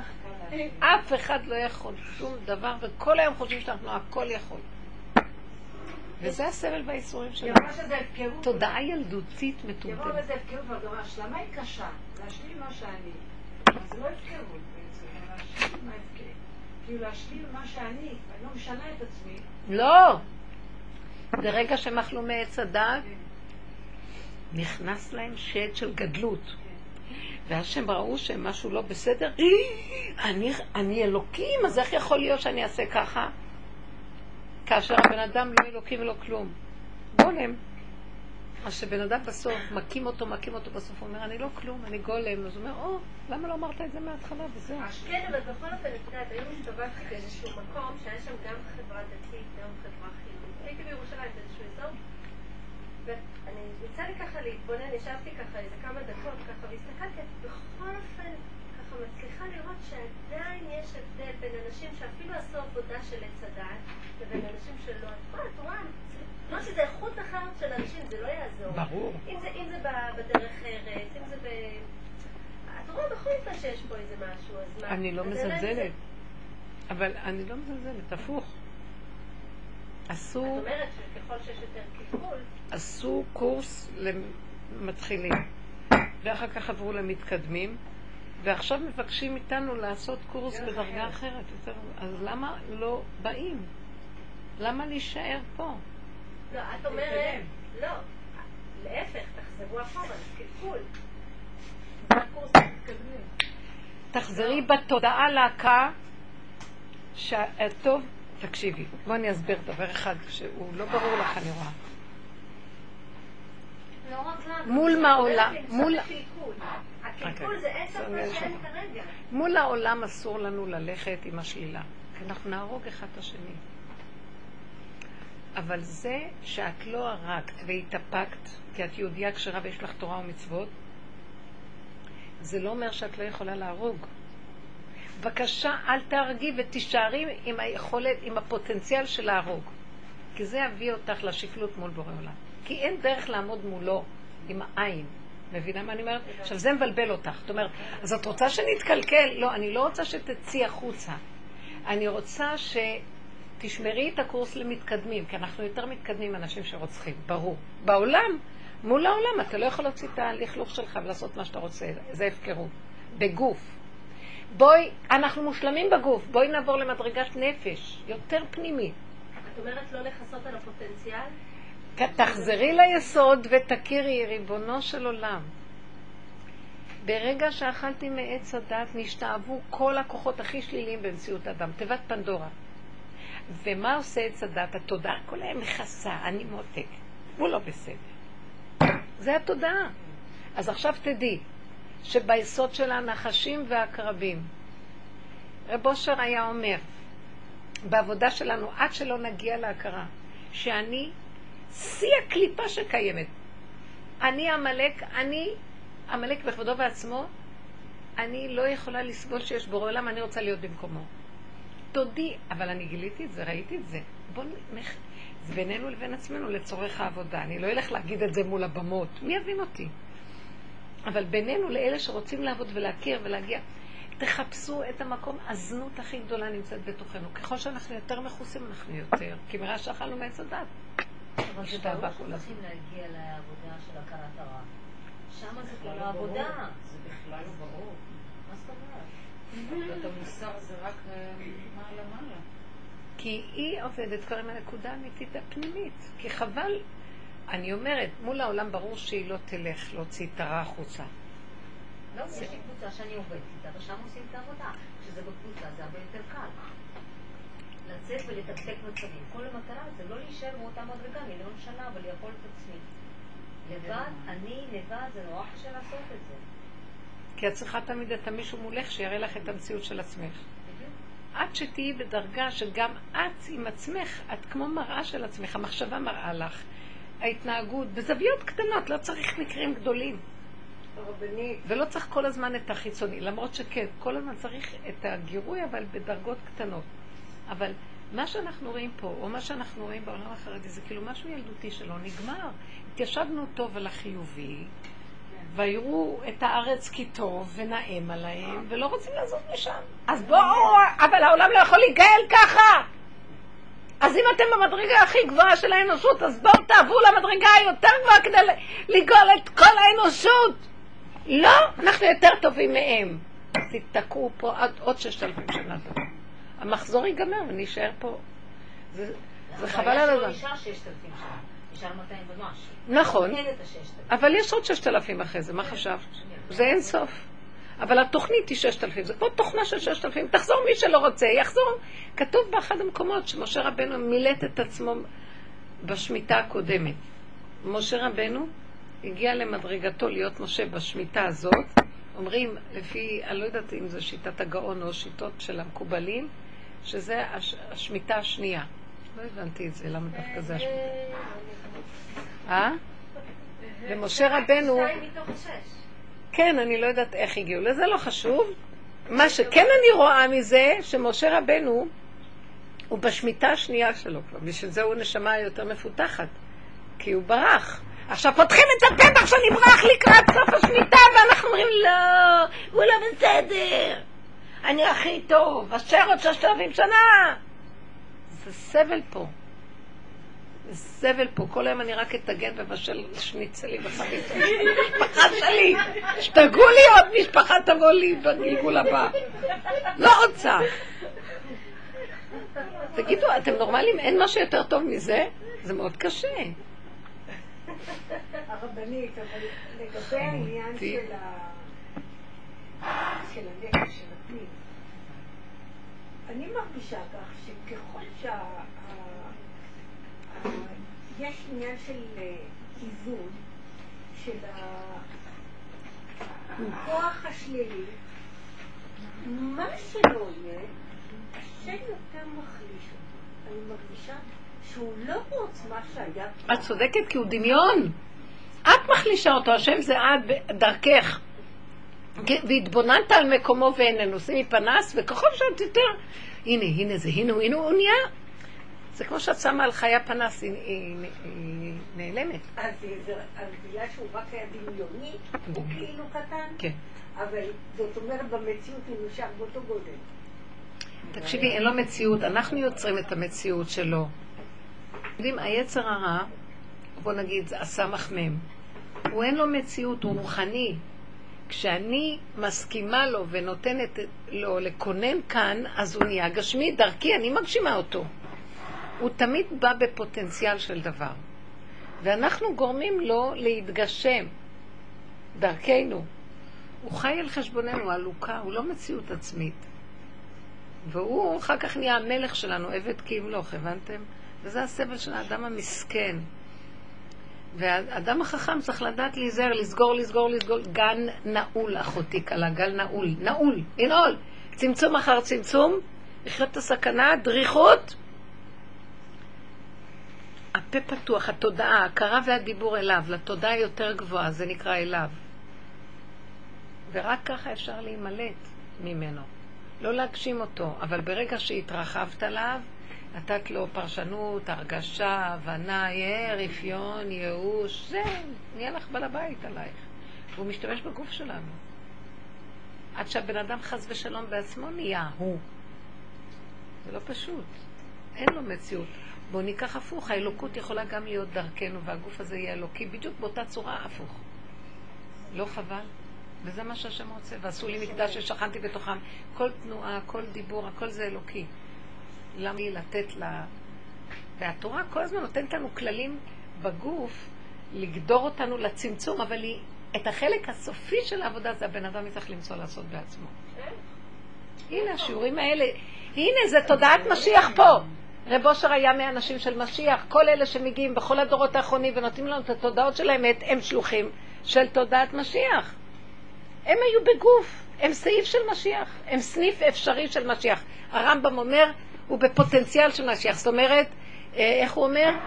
אה, איך הוא אומר על משיח? שהוא, יש לו מילה. זאת אומרת, הוא בחזקת משיח, ואם הוא זה, ויצא לו בפועל, אז הוא משיח ממש. אבל כל דור בא בחזקת משיח לפה. בני אדם חייב להיות פה, הכוח הזה לעזור לנו, בייחוד לקראת הסוף. התודעה הזאת נפתחת מחדש. והחוכמה היא איך לשמור בגוף הדבר, שאנחנו לא נפרק ונהיה מופקרים, ואיך בנפש הדבר להפקיר את הכל להשם. מבינה? פעם היינו רק אחד, מה שתוכו כך ברו, אנחנו צריכים עכשיו לשחק אותם. איך זה מסתדר הרבנית עם מה שאמרת, ומה שרוצה עם האחרון, במיוחד בתקופה האחרונה? זאת אומרת, טוב, ככה אני, וזה מה שאני יכול, וזה מה שאני אעשה, יותר חבל עליי, בסדר. אבל אני מול בורא עולם. אבל בגוף אני באמת משכימה לזה, כי אני לא יכולה. מעולה, מעולה. מה מעולה? תראי מה קרה לי, מה מעולה? את לא עבדת מול בורא עולם. בפירוש. מול בורא עולם זה אין לך רק דלת אמות של דיבור אליו נון סטופ. אבא, אני לא יכולה. אבא, תהרוג אותי, אני על קצה החיות שלי. אין לי, עשיתי זה וזה וזה, ואין לי עוד בחירה ואפשרויות. אין לי. אני לא מוצאת מאיפה, שלח לי סיבה, תראה לי מאיפה. אין לי. אני, סגרת עליי, אין לי. אני יוצאת עם הצעקה של העצמות שלי כשאני מדברת איתכם פה. אני, אני- זה טוב להמחיש את המקום. באמת שאני לא סתם צועקת, יוצא לי. איך? למצב הזה מגיעים רק באמת כשמיואשים. אין איזשהו כפתור שאני יכולה ללחוץ, אוקיי, הנה עכשיו אני אלחץ, ואז אני אגיע לזעקה מתוך אה, עמקים קראתיך, ואז אני פונה אליו באמת ממקום של כאב אמיתי. זה לא קורה מתוך עשרים... לא, זה לא כפתורים, זה הבשר כפתור. מדבר. זה התסכול של ה... של... כשמגיעים לתסכול הזה, איך מגיעים? שאת באמת נמצאת אל על ה... אל תדאגי. מה, דואגת? איך מגיעים? לא, היא אומרת שהיא אומרת שמהניסיון מגיעים מההתנסויות של החיים. ולכן, אבל תראו, יש אחד שצריך חמישים פעם לדפוק את הראש בקיר, ויש אחד שיכול להגיד, בוא נגיד, שלוש פעמים. אז זה התלמיד חכם. אני רוצה להגיד לכם, יש כן עניין, שאם אנחנו יודעים את הדרך ואת הכללים שלה ועובדים עם זה, זה חוסך לנו את האיסורי איוב. למה כתוב, למה הספר איוב הזה, מה הוא מסמל? שלא הייתה תורה עוד בעולם. כשלא הייתה תורה, אז נגעו בו. התורה חוסכת מאיתנו את האיסורי איוב. אם אנחנו שומרים עליה, היא שומרת, היא גודרת לנו את הגוף. ואז הגוף, הוא לא חייב לחטוף חמישים פעם מכה מדבר, כי הוא מתנדב עוד לפני לסגור את עצמו. הוא מקבל על עצמו צמצום. הוא לא צריך שהקיר יצמצם אותו. אותו דבר בעבודה הזאת. שאת תופסת את הנקודה, וואי, אני בסכנה. אם אני רק אפתח את הפה ואגיד לה מילה, אוי, מה שיהיה פה, ואחר כך כמה עבודה אני צריך לעשות כדי לסדר, אני לא... ואני בסכנה ואני... אז אני זה שנותן לעצמי את הגבול של עצמי. זה יוצר איסורים, זה יוצר סבל, המצב הזה, כי את בצמצום. יוצר פחד. כן, את עקודה, זה את כמו שאת קורבן, זה כמו עוקדים את הקורבן על המזבח. עכשיו את עקדת את הקורבן, אז כל הקטרוגים מוסרים. הבעיה שאנחנו לא רוצים להקריב קורבנות, לא רוצים לתת, אנחנו רוצים להיות בהפקרות, מבינה? אז זה מה שאת אומרת, עשיתי, מה? לא יכולתי, הלכתי, אין לי כוח, לא בא לי, לא יכולה. אין לי כוח להילחם מול כל הדברים האלה, אין לי כוח. את לא צריכה להילחם, את לא צריכה להילחם מול הדברים, צריכה לצעוק לבורא עולם, זה ההבדל, את לא צריכה להילחם מול אף אחד. זה רק לקחת הכל ולהגיד לא, אליו, כאילו, להתאבד גם אליו. אני, גם אני, גם אני, יש לי יצר הרע משלי בנוסף לכל מה שיש מסביבי, אז כאילו, כאילו... אז כבר תקשיבי. הסכמתי, כאילו, הסכמתי, הסכמתי. הסכמתי. אני חושבת הרבה את רוצה שנדבר? שיש את הפחד לבד. חצי אולי נעזור. אה? אני- כנראה שאני לא יכולה לעצור את זה. מאוד חשוב, אנחנו צריכים לעזור למלי באיזה נקודה. יש אצל מלי עכשיו סיפור, לא עכשיו, זה כבר כמה זמן שהילד שלה עם העין. ספרי לנו קצת את הסיפור. אה. אנחנו צריכים. לה- אנחנו שומעים את הסיפור לצורך הזה, שנעזור לה לתפוס איפה הנקודה, ומתוך זה לדעתי תהיה ישועה ואפשר יהיה להציל את המצב. אז, אז אולי אפשר לעשות קצת רקע, שיכירו גם את הבית, ככה, תבואו הביתה. לא, כבר תקופה די ארוכה שאנחנו לא זוכרים בבית מי יודע מה שיש, שיש יהדות כמו שצריך לפי הספר. זאת אומרת, נכנס, כאילו, כל אחד ביחידה שלו עושה ככה מין מינימום מינימום משהו שצריך, ו- והכל נראה כזה כאילו בית חילוני מדי, לא... יש אה, מחשב, יש זה, יש פירוש, יש מוזיקה, יש זה, הכל כזה נראה לא, לא קשור לכלום. ותופסים דברים רק מינימליים, שבת במינימום, הכל במינימום, רק תפילות במינימום, רק הבעל, כאילו, אני לא פותחת סידור בכלל. אבל אה, ככה זה נראה. עד פה הכל בסדר. מה הלאה? קיבל מכה בעין יום אחד, והוא ראה רק, ב- הוא ראה ב-13 בעין, העין הייתה בריאה, ובאזור הזה הוא לא ראה. אז אה, לקחתי אותו לרופא, עשו לו ניתוח, אמרו שצריך לנתח את זה כדי שזה לא יהיה, כי זה יכול להיפתח ולהיות יותר גרוע. אז כדי לעצור את זה, הניתוח לא עזר, עשינו, אז אמרו לעשות הזרקה. אני הרגשתי שדופקים לי בדלת, אין לי מושג מה רוצים ממני, לא קשה לי, כי אני גם ככה באה לשיעורים פה, ואני משתדלת לעשות עד כמה שאני יכולה, מה שאני מבינה שאני לא יודעת מה אני, מה אני אמורה לעשות, אבל... אבל... אה, אבל אה, אה, אמרתי, אני קראתי קצת ואמרתי, אני לא עושה יותר השתדלויות ב, ב, ב, עם הרופאים. הם פשוט הכריחו, אמרו לי, תשמעי, זה, זה מסוכן להשאיר את זה ככה, והניתוח לא עזר, את חייבת לעשות עוד משהו, יש איזה טיפול פחות מסובך, פחות ניתוח, פחות בומבסטי, חדר ניתוח וזה, משהו, הזרקה לעין וזהו. לא הייתי שקטה, היה לי כזה לא טוב, משהו אמר לי לא, לא, לא, לא. ו- והלכתי לעוד מומחית להתייעץ איתה, היא אמרה לי שזה לא נורא, שזה טיפול יחסית פשוט, ולפני שעוברים לניתוח יותר מסובך, כדאי לעשות את האופציה היותר קלה. הלכתי לעשות את האופציה היותר קלה, אני לא הייתי רגועה, נכנסתי לרופא לראות מה הוא עושה בתוך החדר, כי הייתה לי הרגשה לא טובה, והיה לי המון מניעות באותו יום. ואני באה ללכת, אין חומר. אז אמרו לי, טוב, לכי לחדר ניתוח. אני הולכת לחדר ניתוח, לא, לא יכולה לקחת את החומר היום. אה, אה, מה זאת אומרת לא יכולה? הרופא אמר לי לבוא. טוב, חזרתי, החזירו אותי עוד פעם. עד שהביאו לי את החומר, אני מחכה שם המון המון זמן. אני מגיעה לזה, אני אומרת, אבל אני רציתי לעשות את זה במחלקה, למה אתה עושה לי את זה פה במרפאה? אל תדאגי, אל תדאגי, אל תדאגי, רק תחתמי לי פה, כי יכול להיות מזה זיהום. זאת אומרת יכול להיות מזה זיהום? אמר לי, לא, לא, לא, לא. 90 אחוז זה משהו אחוז שאין, אין, אין, זה לא קורה זיהום, זה לא קורה, אל תדאגי, זה טיפול פשוט, רק תחתמי כי, כי זה נוהל. אמרתי, טוב, בסדר. לא יכול להיות זיהום, ומחרת בבוקר אני חוזרת עם הזיהום הכי חריף שיכול להיות.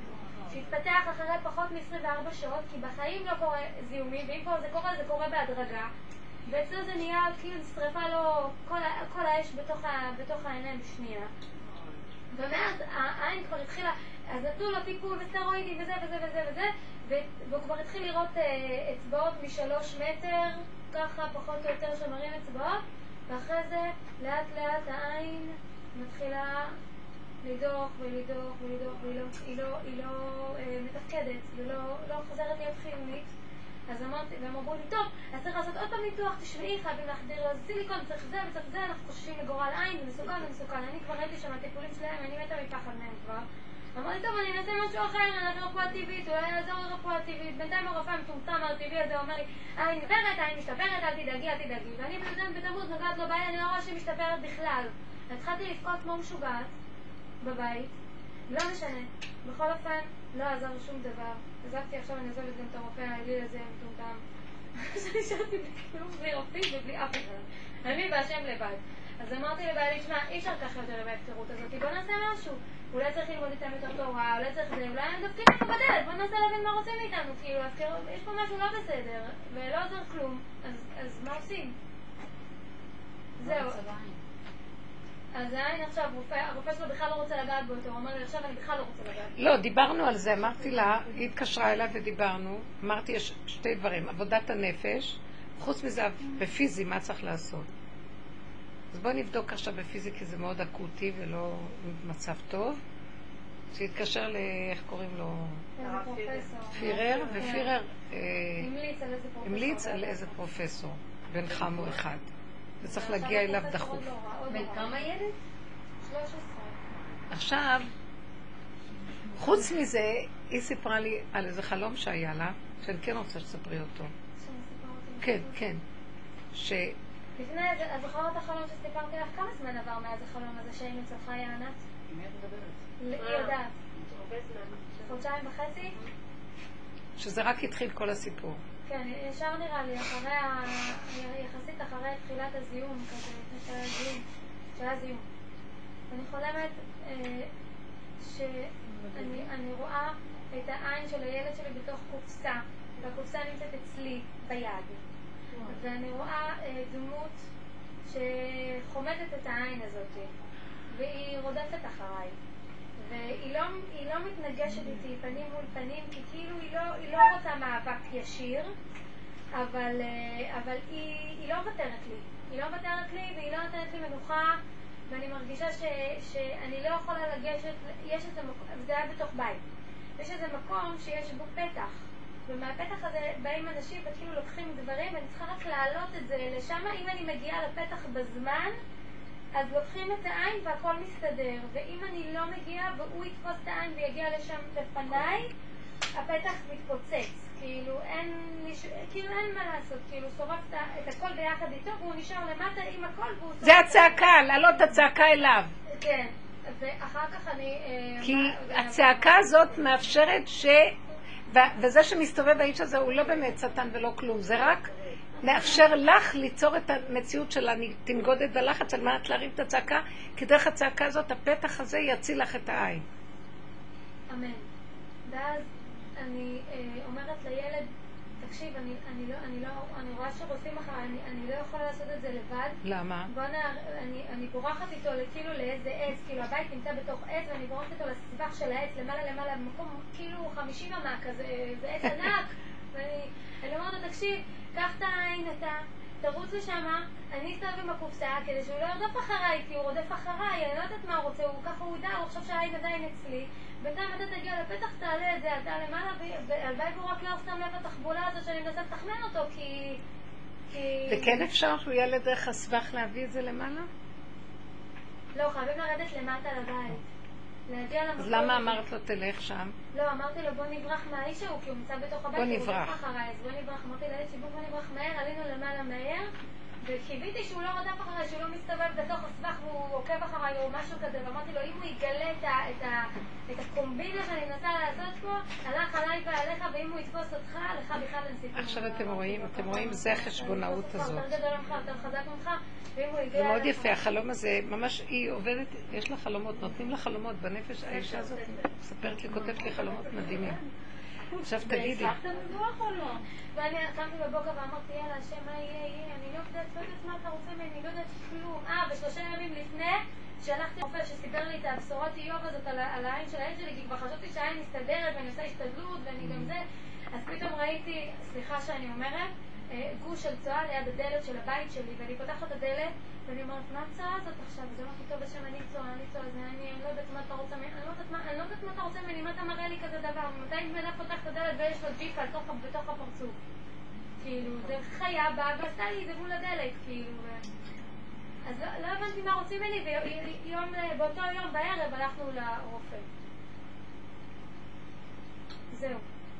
עכשיו תגידי, את מה אני צריכה לעשות? לא, לפי הדרך, בוא ניקח את הנקודה של לפי הדרך. לפי הדרך, מה שיש, מה ש- הילד הוא סיבה בשבילך. העין שלו נמצאת ביד שלך, למרות שהעין שלו. ואת מחזירה לו את זה ואומרת לו, תלך, כי אני לא יודעת איך להתמודד עם זה, בגלל שאת לא. לא לוקחת את האיש הזה מסביב, נכון. את עושה אותו אויב, במקום להבין שהוא רק סיבה לעורר אותך, להרים את הצעקה ולעלות להשם. הסתבכת, שימו לב, אנחנו כאילו, אנחנו עובדים ככה, במקום לעבוד ככה. אז המקום הזה, ואז את אומרת, אז הילד ייקח והוא יבריח. ואת נשארת בהפקרות שאני לא עושה, כי אני לא יודעת מה לעשות. אז הנקודה היא שבאמת העין של הילד היא ביד שלך. ויכול להיות הפוך, יותר נכון מזה, שהילד אין לו שום בעיה. הילד אין לו שום בעיה. וכל זה קרה בשבילך, ויכול ברגע אחד להסתדר העין אם את תתפסי את הנקודה.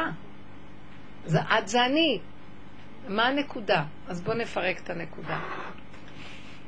אני לא יכולה. את התסכול הזה, את לא צריכה להשאיר את זה פה ופה ופה, פרונט... אה, הורזונטלי. מה, זה, מה זה פרונטלי? מה זה, אני לא יודעת למה השתמשתי בזה. הוריזונטל זה נראה לי... אה. יש מילים יפות. לא, לא. את צריכה להעלות את זה, להעלות את זה, להגיד אני לא יכולה, זה גדול עליי, זה תפקיד גדול עליי. אתה משתמש בי כסיבה. אתה רוצה, הילד זה סיבה לעורר אליך. ככה מעוררים את האדם. אם האדם ישן, עכשיו באים כל כך הרבה כלים על אנשים, מחלות, עניינים, למה? לעורר את האדם, דופקים, דופקים, דופקים, דופקים, לא מקשיב. אז מה עוד הולך לפה, הולך לפה, הולך לפה, הולך לפה, צריכים לקחת את זה לפה. ומה צריכים ללכת? אז בהתחלה אנחנו הולכים מפה, אנא השם, אנא, אנא, אנא, גם התפילות של אנא השם כבר נגמרו. זה לא אנא השם, תרחם. זה אתה חייב לרחם, אם לא, אתה מפסיד אותי ואת הכל, אז אתה פירקת את המשחק שלך. כי כל העניין שלך, שאתה מפחד שאני אמות יותר ממה שאני מפחד שאני אמות. זה לבוא בדרישה אליו, לא בבקשה. פשוט. זו לא דרישה של חוץ, זה חוצפה כלפי שמיא מועילה, מהעניה. כי זה השם מחכה שנתחצף ככה. זה חלק מהמשחק לעורר אותו להתגלות ולעשות לנו את הישועה, כי אם לא, אנחנו מתפרקים פה. מה יצא לו מעולם מפורק? השטן מנצח אותו, וזה הוא לא רוצה. כי זה משחק שהוא עושה עם עצמו.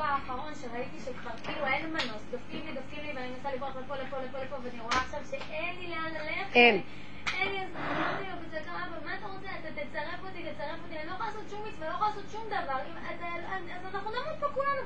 אין זה בדיוק הנקודה. הנה עין השם אל יראיו. העין של השם אל, אלה שיראים אותו, הוא מתבונן עלייך, ויש משהו, סליחה, אני לא אומרת עלייך, עליי, על כולנו. אנחנו מנתחים את הנקודה, ואני ביקשתי מכם רשות קודם, כי זה לא למקד על מישהו ולעבוד עליו. מה לי, ההפקרות בבית, הרפיון של הבית, הכל הרפיון הזה. והשאלה שאת שואלת, סליחה וזה שאת שאלת, אני רוצה לתת צעקה, והצעקה היא גם עליי. די, מטומטמות! כמה אפשר לבוא לשמוע שיעורים? מה, אתן בורחות לבלות? אנחנו, אנחנו תרדמת, כולנו, אני גם אותו, אנחנו ישנים, ואין לנו כבר כוח. טוב, אז לפחות נשמע שיעור. אתם יודעים מה זה? אתם יודעים מה שרב אושר היה עושה? הוא היה אש! עקשן כמו פרד! נופל וקם, ונופל וקם, ונופל וקם, ונופל וקם. אש! והוא היה מת וחי, ומת וחי, והוא ניצח. ניצחתי ואנצח. אני נהר המטהר את כל הכתמים. אתם לא מבינים שהעקשנות הזאת, את אומרת, אין לי כך, אין לי כך. זה שטן מיואש מדבר. מי הוא בכלל? את לא מבינה שהאלוקות בתוכך מצפה שתכריחי אותה, והיא תעבוד לך. אנחנו נמושות מטומטמות. עם ישראל, לא יודעת מה קרה לו. זה מה שעשה השטן בדור הזה, מפנק אותנו יותר מדי, יש פינוקים. רפיון, פינוקים, אין כוח. עכשיו, נכון, אנחנו מפונקים. אז בואו ניקח את התסכול הזה אליו, ונגיד לו, אני מבינה שהכל, אין לנו כבר כוח לכלום. אנחנו דור שכבר הרגו לנו את כל, אין לנו מה. אבל ההכרה והדיבור נשאר לי להגיד לך את האמת שלי. אני תקועה, ואני לא יכולה להוציא את עצמי מהמקום הזה. תוציא אותי! תטפל בי, תעזור לי, אני פונה רק אליך, אין לי לפנות. חוץ מזה שאת עכשיו מרימה, אני מרימה טלפון לדוקטור חמו וכל השאר, זה שני, זה שני דברים שונים. עכשיו, בגלל שזה זה גוף הדבר, זה נפש הדבר, אנחנו עובדים בנפש הדבר, אבל זה משפיע על גוף הדבר. תמצאי את האופי, יש סייעתא דשמיא לא נורמלית כדי שזה יצליח והכל יסתדר. אבל את צריכה לתת את העבודה הפנימית. מבינה מה אני אומרת? אז רגע, אז... אני צועקת, תדעי לך שמאז שדיברתי איתי אני צועקת רק בשבילך כל הזמן. מה זה אני צועקת? אני אומרת על עצמי, אני תופסת איפה הנקודה שלך אצלי.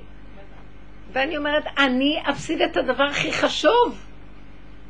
תעזור לי, אני לא יכולה, אנחנו בהתאבדות, אם לא נתאבד אליך, אנחנו נתאבד, אנחנו מופקרים לעולם, סליחה מתאבדים. ש- סליחה, יכול להיות שתקראי לי מטומטמת על השאלה, אבל אני מבינה, אני מבינה כי גם אני נותנת צעקות ואני רואה נקודות ש- שקשורות לעבודה ואני מדברת אותן ואני משתדלת עכשיו, בפרט בימים האלה, שראיתי שאין מנוס מהתפילה ואני דפקו לי ואני בורחת הרבה ואני רואה שאין לי ברירה, בכוונה השם עשה לי את זה ש...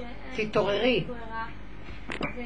אבל אבל זה... זה זה קשור לזה שאני- ש- שהתורה והמצוות בבית אצלי לא בסדר. זה לא- בואי, בואי, אני אמרתי לך, את לעשות פה, הכל. בסדר. אני צריכה גם בד בבד לעשות תשובה גם על עניין... לא, לא, לא, לא, לא, גם לא. על עניין לימוד לא, לא, לא, לא. נתפסת על איזה נקודה. לברוח לשם. לא, אני מבינה, אני מבינה, זה גודר את האדם. שהילדים רואים את האבא קם בבוקר, הולך להתפלל וזה, אז הוא שומר להם את היהדות שלהם. היהדות היא דבר חשוב לגדור אותו בתוך עולם מופקר. אבל את לא יכולה להילחם על הדבר הזה. את יכולה להילחם על הנקודה שלך. וזה הנקודה שלך. גדר, גבול וזמן ומידה. בעלך מופקר עם גדר, זמן, גבול ומידה. תעשי את זה את בעניינים של המידות, לא בענייני היהדות שלך.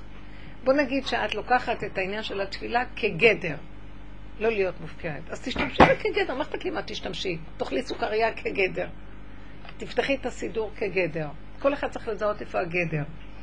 הגדר שלך זה לא להגיד, די, אין לי כוח, מה? את מרגישה שאת צריכה, אני שמתי לב לזה, למשל. סליחה שאני אומרת לא, את זה, תסלחי, תסלחי, לא את מרשה. לי. ליד כולם, זאת אומרת, בשיעורים את ייסדת את השיעור, ואת הרבה זייפת. כן בא, לא בא, כן בא, לא בא. אני אגיד לך למה. למה? כי הילד שלי, אין לי מי שיסדר לי אותו. תעשי אותו ותשימי אותו בבוידם. לא אכפת לי איך, את לא מבינה, אנחנו צריכים להיות מאוד חזקות. לא לתת לטבע לגנוב אותנו. לא, אני צריכה, זה גדר, אני לא, לא מוכנה. הילד אומר, אמא, את הולכת, הילדים רק רואים את האמא הולכת, מתחילים להלל. תיעללו עד מחר. אכלתם, שתיתם, קיבלתם, שלום. יש לי את החיים, יש לי את הנקודות שלי. אנחנו מתרצים לכל דבר. נא, אז מה, אני אשאיר אותה? מה, אני... אין לי כסף לקחת בייביסיטר. כסף, לי הכסף, לי הזהב, נאום השם. השם לא ייתן לנו לדבר חיוני לנפש. הוא ייתן. אני לא יודע לעמוד על הנקודה. זה הכל... מ- זה, זה, הכוונה להתעורר, להכיר איפה הערך הנכון שלי. עכשיו בוא נראה, מה שאת רואה אצל בעלך התפרק לו הג- הגדר, הוא לא מתפקד כראש משפחה עם גדר וגבול וסדר ומבניות. לא, מבניות של יהדות. בסדר, תעשי את זה את, את הבית של התורה. מה את רוצה ממנו? תעזבו את השני בכלל, אנחנו לא עובדים על השני אף פעם. זהו, אז אני עזבתי וגם אני השפעתי הושפעתי מזה. אז על זה אני אומרת, למה? זאת אומרת, הושפעתי, יכולת להגיד ככה, אני לא צריכה להגיד לו כלום, אבל חוץ מזה אני כן צריכה לעמוד על נקודות מסוימות של הבית. זה לא, עכשיו, יהיה לי קשה, אני אלחם עם זה, אני אפרוק את זה להשם. אז תגידי את זה להשם, אני לא יכולה, אם לא תעזור לי, אני לא יכולה, תחזיק את הבית. תעורר את הילדים שיקומו לעשות מה שהם צריכים. אני לא יכולה על לנקוט שוטרים. אז יש לך, זה סיבה לעבודה, להיות קשורה איתו כל הזמן. בוא נגיד שלא הולך כלום. בסופו של דבר, יהיה איזה שלבים שאת תראי שהברכה נמצאת, גם אם הם לא יקומו, אבל הברכה נמצאת. את צריכה להבין שיש פירוק. מה שאת מספרת לי זה ייאוש. לא של עבודה. יכול להיות שאתם מזהות את המילה רפיון. אתם יודעים, אצל רב אושר הוא גם אה, עשה, זה חלק מהעבודה. העבודה הזאת מביאה לרפיון הגוף. למה? כדי שהנפש תעבוד. כי בעולם החרדי אנחנו שמנו את כל המניות על הגוף. אין נפש. אז הוא אומר, טוב, ברור שהגוף זה דבר חשוב, אבל זה עבודה למתחילים. טוב, זה גודר את הגדר. עכשיו בוא נראה מה צריך לעשות בבית, בוא נראה את הבניין, בוא נכניס בו רהיטים, בוא נראה מה לעשות בתוך הבניין. לא, ממשיכים לשפץ את הלבנים בחוץ. אז הנקודה הזאת, אנשים הבינו אותה אז, לא צריך כבר להמשיך לבנות, לא צריך להמשיך לעזור, אז לא. כי הבן אדם, כתוב עבדה בהפקר הניחא לי, נוח לו בהפקרות לבן אדם, מחפש מוצא איך להיות מופקר, מה אכפת לו? אני כזאת גם, אני מאה אחוז כזאת. אתם יודעים מה, אבל אם זה אני אקח ואני אעשה עבודה. ואני אומרת, ריבונו שלם, אומר, מופקרת, אני אומרת לו, אני מופקרת. אוי, חלמתי לפני יומיים, שאני רואה איזו חתולה קטנה באיזה מקום, והיא קטנה, והיא מדברת כמו בן אדם. והיא אומרת, אוי, כבר אין לי כוח, כבר אין לי כוח, והיא חתולה קטנה, ואני אומרת, איזה פלא זה שחתולה מדברת כמו בן אדם, בטח זה גלגול. וכשקמתי אמרתי, בטח זה אני. אני חתולה. אני חתולה. אז לפחות אני מודה, ריבונו שם, אני לא יכולה אחרת. אתם יודעים מה, אני חתולה אבל שלך. אני כלב שלך. אני יונה שלך. מה אתה רוצה? לא יכולה משהו. זה לא יצא החוצה, אבל בנפש אני יודעת את האמת, אז שזה יהיה שלך. זה לא נקרא הפקרות. בהפקרות זה, טוב, אין אפשרות אחרת. זה בחוץ, כלום, מופקר. זה לא טוב. אתם מבינות מה אני אומרת? כן. אני בחוץ עכשיו, לשמוע, ביהדות, עכשיו. אצלי זה בית שבאמת בני תורה וזה וזה וזה. אצלנו זה המשפחה בני תורה, שזה המהלך של המשפחה, כן? אבל זה פלא, אני ממש לא יודעת איך להסביר לכם. אני מרגישה, זה מה שרב אושר אמר, אני חילוני שומר תורה ומצוות. בחוץ, אני עושה, כי באמת, זה כבר, את לא צריכה להתאמץ, זה כבר מובנה. בית כזה, ספרייה, אז את צריכה, אז זה, זה, זה שבת, זה בכלל, זה כבר, זה לא דבר שאת עובדת עליו בכלל. בפנים זה משהו אחר לגמרי. והם לא קולטים את זה שאני משהו אחר בפנים. הם קצת חושדים בי מדי פעם. הם חושדים שאני איזה משהו מוזר, יש פה משהו. אבל מה אכפת לי, מה אני אעשה? מאחר ואני צוחקת בתוך הנפש, ואני אומרת לו, אבא, אל תראה מה שלא מתקבל כלפ, כלפי חוץ לכם. אם הם מבינים וצחקו איתי, פיין, אבל אם לא, בשביל מה לעורר להם את ה... בשביל מה? תדעו לכם, אני לא יודעת איך להגיד לכם, שהכל הפוך.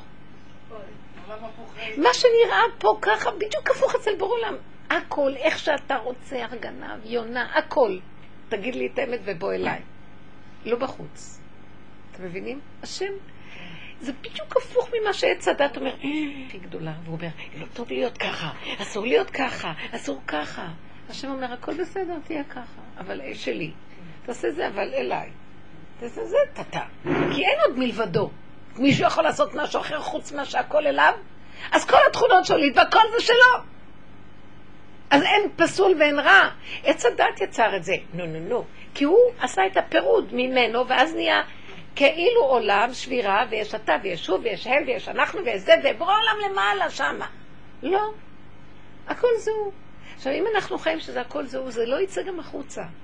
כי זו, זו אנרגיה שהיא היא לוקחת אליה את הכל. היא, היא הדבר עצמו. זה לא אני מתפלל, אני תפילה. זה אחדות, השם אחד ושמו אחד. ופה נהיה הכל פירוד, ואז אסור, ואסור, ואסור, וזה הקלקול. אבל באמת, אם אנחנו מתחברים ליסוד האמת, אין שום קלקול. עכשיו, לכי, אני בעין אונים אליך. אתה יודע מה, ריבונו שלם, הגעתי למסקנה מאוד ברורה, שהגאולה היא לא בתודעה הזאת, היא ברובד אחר. אין כאן, אין כאן גאולה. תסתכלו, מה אתם חושבים שזה כל... אין כאן גאולה. אין כאן גאולה.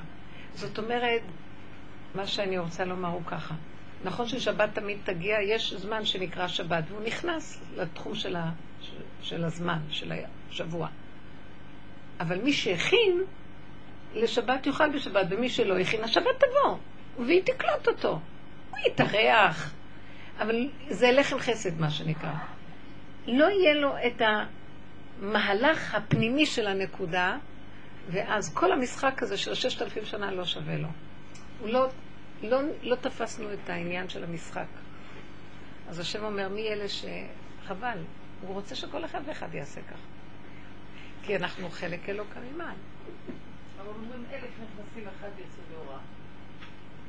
האחד הזה, יכול להיות, אבל האחד הזה מזכה, אחד הזה מזכה את האלף.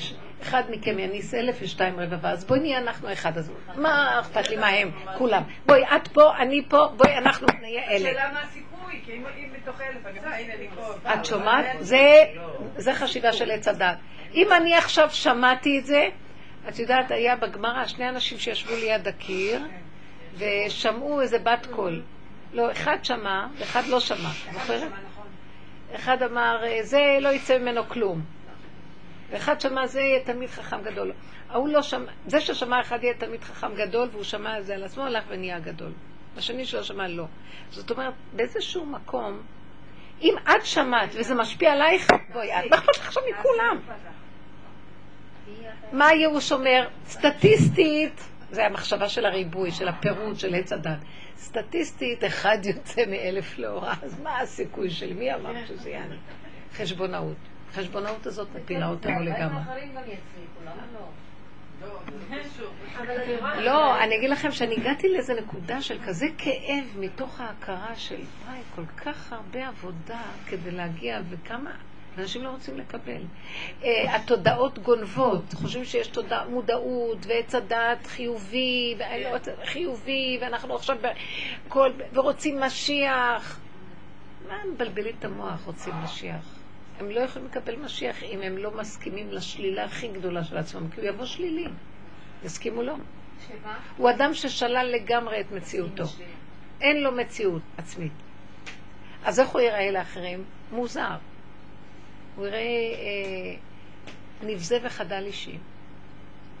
יביאו את זה ככה. נוכל לקבל אותו? כולם יתנגדו לו.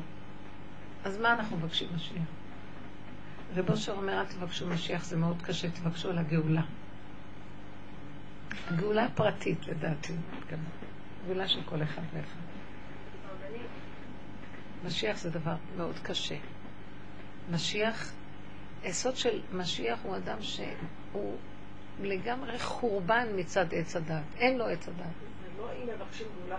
קשה מאוד להכיל כזה אחד בטבע. הרבנית, את זוכרת את החלום שסיפרתי לך? שמה? תזכירי לי. שראיתי בחלום אדם מאוד מאוד עלוב. כן, נכון, נכון. ממש לא נקי. וגם ראיתי את הרב ניסים מויאל בחלום, ואז הוא אמר לי, אודליה, תרוצי אליו לקבל ממנו ברכה, מהעלוב הזה. פשוט מאוד עלוב, בן אדם עלוב, מסריח. הוא אומר לי, ולא רק את, גם אני רץ לבקש ממנו ברכה. הרב ניסים מויאל. ושנינו הלכנו לבקש ממנו ברכה, והוא היה אדם עלוב, כזה מסכן נראה. והייתי בהלם והקמתי, ואז שסיפרתי לך, אז גם התלהבה. כן. אמרתי, "אבל זה לא-" נכון. הרבנית, בגלל זה- התלהבתי מאליעזר, הרבה פעמים הייתי מדברת עליו, אבל הוא גם מרגיז אותי לפעמים.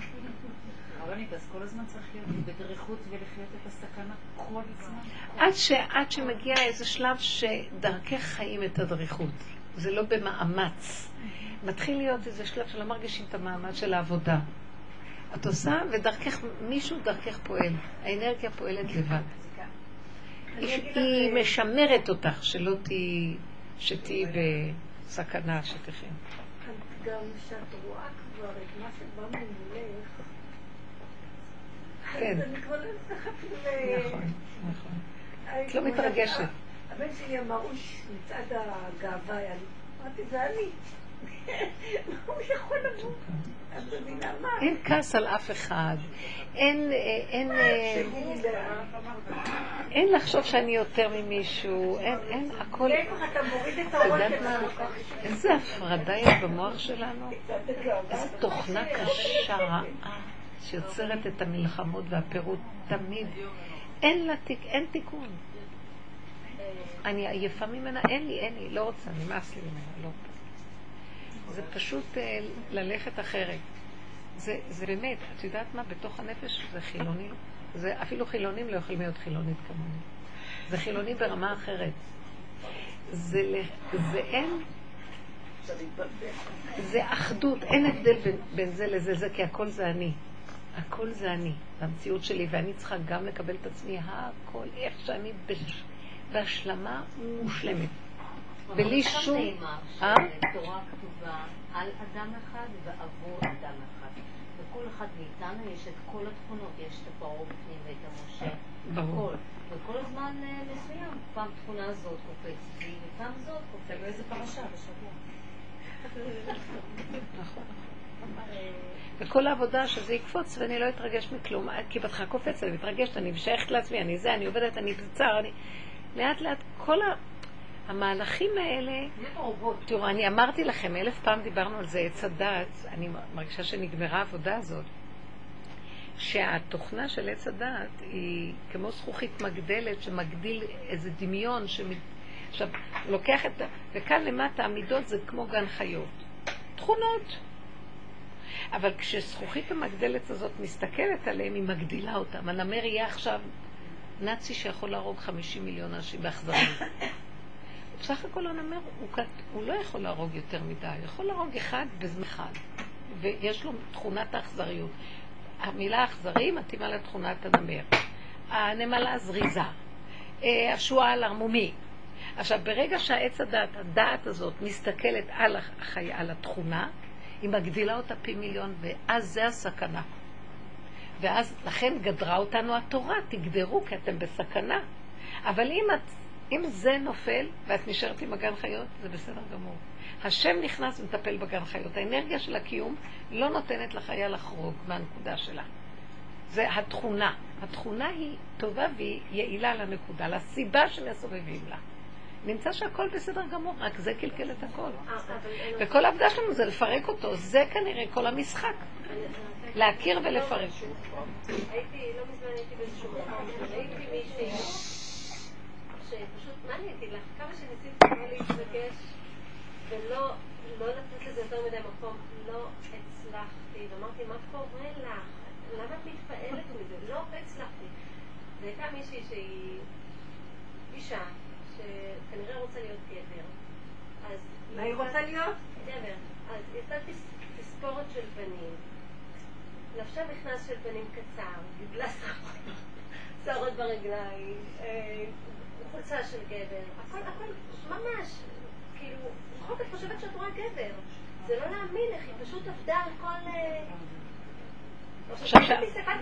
מאיפה את מכירה אותה? אני לא מכירה. אה, אותה היא באה. לקראתך וראית אותה. לא, היא באה מולי, ואני באמת חשבתי שגבר צועד מולי, רק וזיהית שזה אישה. שזה אישה, כי בכל אופן היה לה קצת מבנה של אישה. אז הנה, את רואה? הסתכלתי שוב כדי לראות, זה גבר או אישה?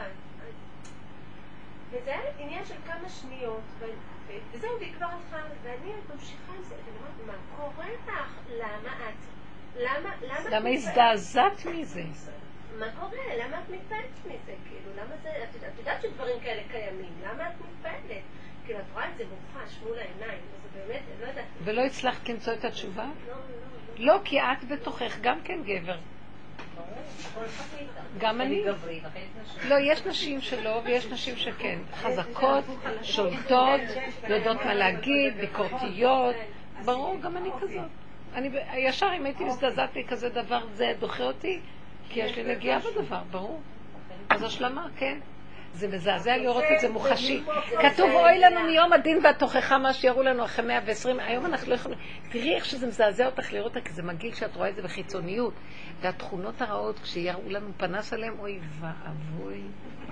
אבל, אבל יראו לי שהחתולה היא די מתוקה שראיתי עכשיו. פעם ראיתי חתולות גדולות, חלומות, היום ראיתי חתולה קטנה, חמודה דווקא.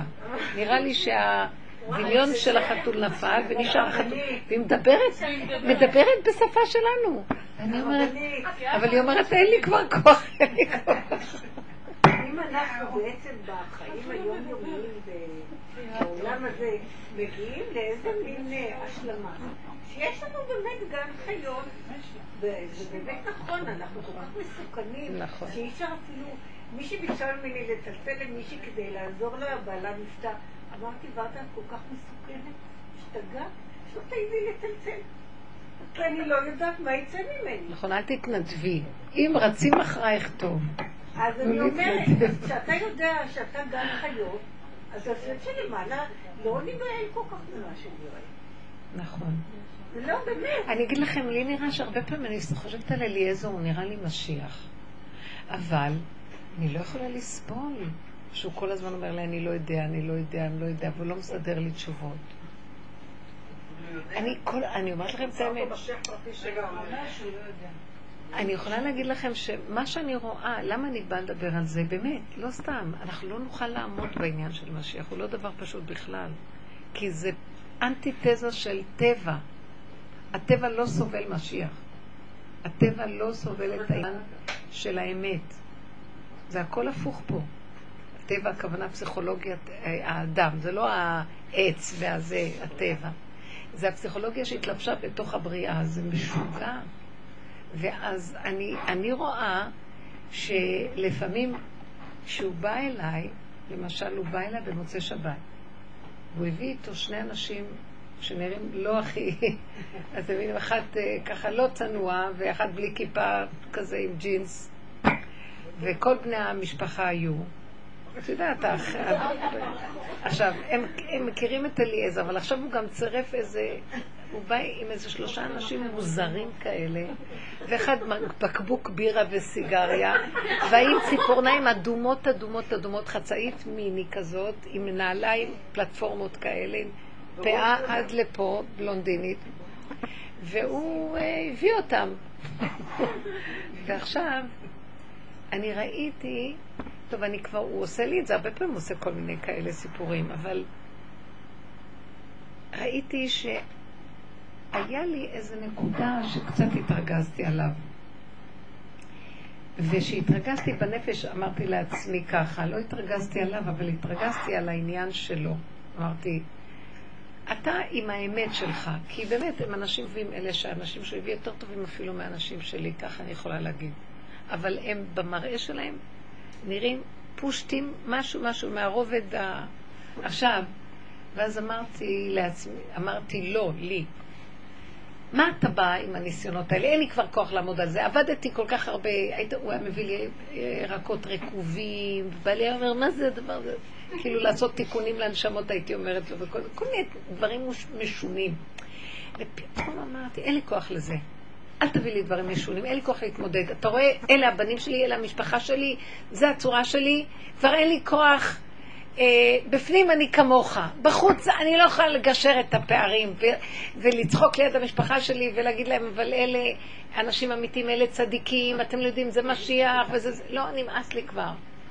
כאילו, יש לי, היה לי איזה כעס עליו, למה אתה לא בא לקראתי? הכוונה, תתגלה כמוני.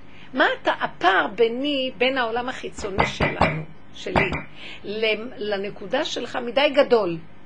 ואל תנסה, אל תביא את כל המוזרות הזאת כדי שאני אעבוד על עצמי. מה אכפת לי מכם? זאת האמת. לא רוצה אמת כזאת, נמאסת עליי כבר. תביא אמת אמיתית. שהבני תורה יראו את האמת וירצו אותה. נמאס לי כבר מהצורה הזאת. אתם מבינים אני מתכוונת? היה לי, כן, כל כך הרבה שנים עובדת איתו, הוא בא אליי. וכל פעם אני, בהתחלה הייתי מתביישת שיראו אותו וזה, אחר כך טוב, והוא... נתתי, הוא התיישב בכיסא של בעלי, ובעלי נכנס ויושבים לו על הכיסא. אה, ולא, הוא לא זז משם, הכל. הוא פותח את המקרר כאילו זה הבית שלו, ובעלי לא מבין, מה, מי זה האיש הזה, מה זה? לא חשוב, עשיתי המון עבודות, ונשארתי, כשהוא בא במוצא שבת נשארתי אותו דבר, כמו שאמרתי לכם.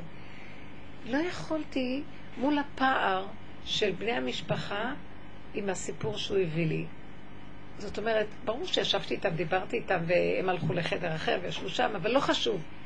בני הבית שלי, בתוכי הייתה טרוניה אליו. מה הייתה הטרוניה? עד מתי אתה מעמיד אותי בניסיון הזה, בורא עולם, של אתה כל כך משהו אחר ואנחנו משהו אחר. תשמע, אתה רוצה לגאול אותנו, אתה צריך להתלבש קצת בלבוש שלנו. אי אפשר ככה כבר! אני לא יכולה, אני שואלת אותו שאלות, לא יודע, אני לא מבין בזה, לא מבין בזה. כל הזמן התשובות שלו שליליות. ואני בתוכי יודעת שהוא... משהו שהראו לי את זה כמה פעמים, שהוא יודע הכל. זה לא הוא. הוא כמו צינור לדבר שהכל אלוקי. אבל הפער מאוד גדול, ואין לי כוח לשחק אותה כבר. לשפץ פה ולשפץ בינו לבינם, לבינינו, לבינו. כל הזמן משחק את הדואליות של העולם. זה מה שאמרתי לכם, אני לא יכולה לסבול כבר את ה... אני מכילה את כל ההפכים, ואין לי כוח כבר.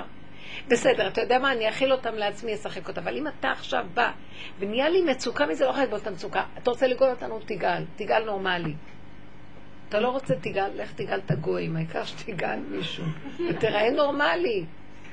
אתה לא רוצה לגאול פה, תגאל איפה שכל המשוגעים כולם כמוך. אבל אתה לא יכול, נמאס לי כבר כל כך הרבה זמן, זה כבר איזה שבע, שמונה, עשר שנים כאלה, שאני כל הזמן מנסה, כן, נלך עם האמת, זאת האמת, והיא אמת גבוהה, ומי אלה פה כולם שקרנים, וזה, לא יודעת, אבל השקר, הוא מולך פה. נמאס לי כבר. את אומרת לי, למה כשהתחלת את השיעור, כולם עולים עכשיו לירושלים ויכריזו הכרזה, די כבר. מה? אנחנו נישאר שלא נוכל לסבול שיבוא משהו שהוא כל כך שונה. תביא מישהו שדומה, שמתאים, שאיכשהו נוכל להתייחס אליו. אני מתרגזת כי בפנים... לא, אני מרחיבה את זה לבורא עולם. לא הרחבתי את זה בעולם. בחוץ לא היה ניכר כלום. אני עשיתי לו, די! נמאס לי מהמשיח הזה, שאני כל הזמן חושבת שהוא משיח. תביא משיח נורמלי? לא, אל תביא. אין לי כוח כבר. זאת אומרת, המצוקה שלי יצרה כמה אני... אתם מכירים את זה? אה, אני מבינה. מי מבין כמוני מי הוא? הם לא מבינים כלום.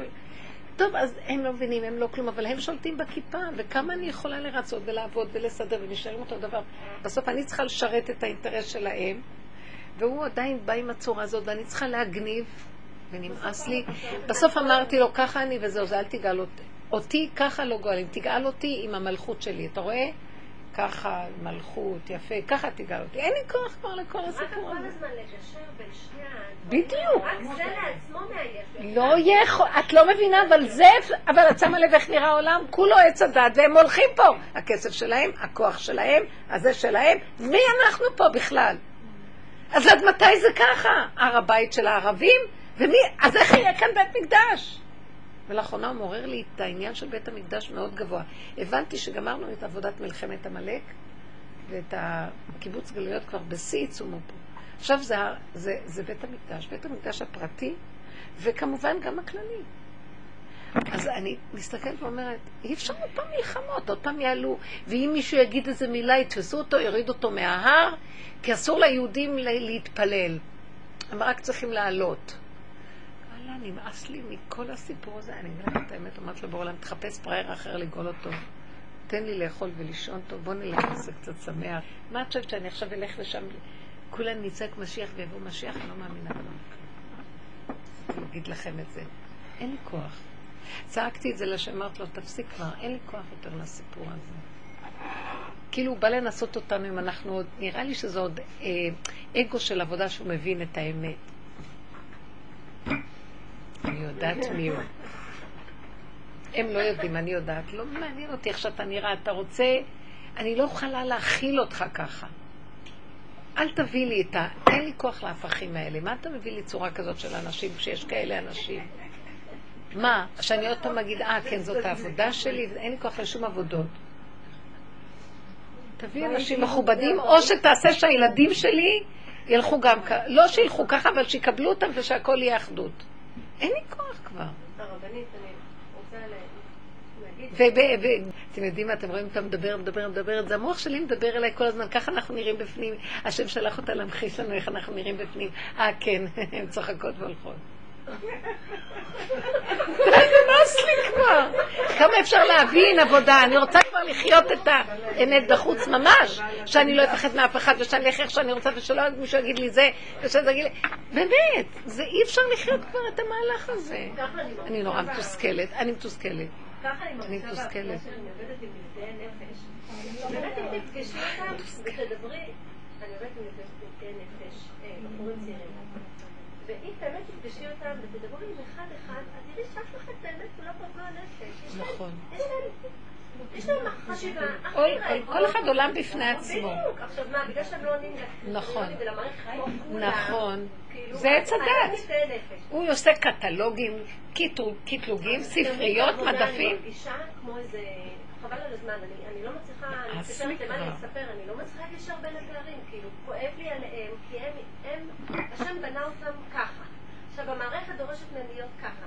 אז אני כל הזמן בין הצוות למה שהם. עכשיו, איך אני, אני יוצא זה- מצבים זה הדואליות הזאת שאני שאתה- משקרת להם ומשקרת להם, כדי שהכל יסתדר. בדיוק. כאילו... זה נורא ואיום, די, אין לי כוח לא- לזה. ולא רק זה, גם הם שיעבדו אותי להיות השפחה שלהם. האמת משרתת את השקר. האמת משרתת את השקר ומפחד ממנו גם. כי זה הבית שלו, ואני ב- בגלות פה מה. אז איך אפשר ככה גאולה, תגידו?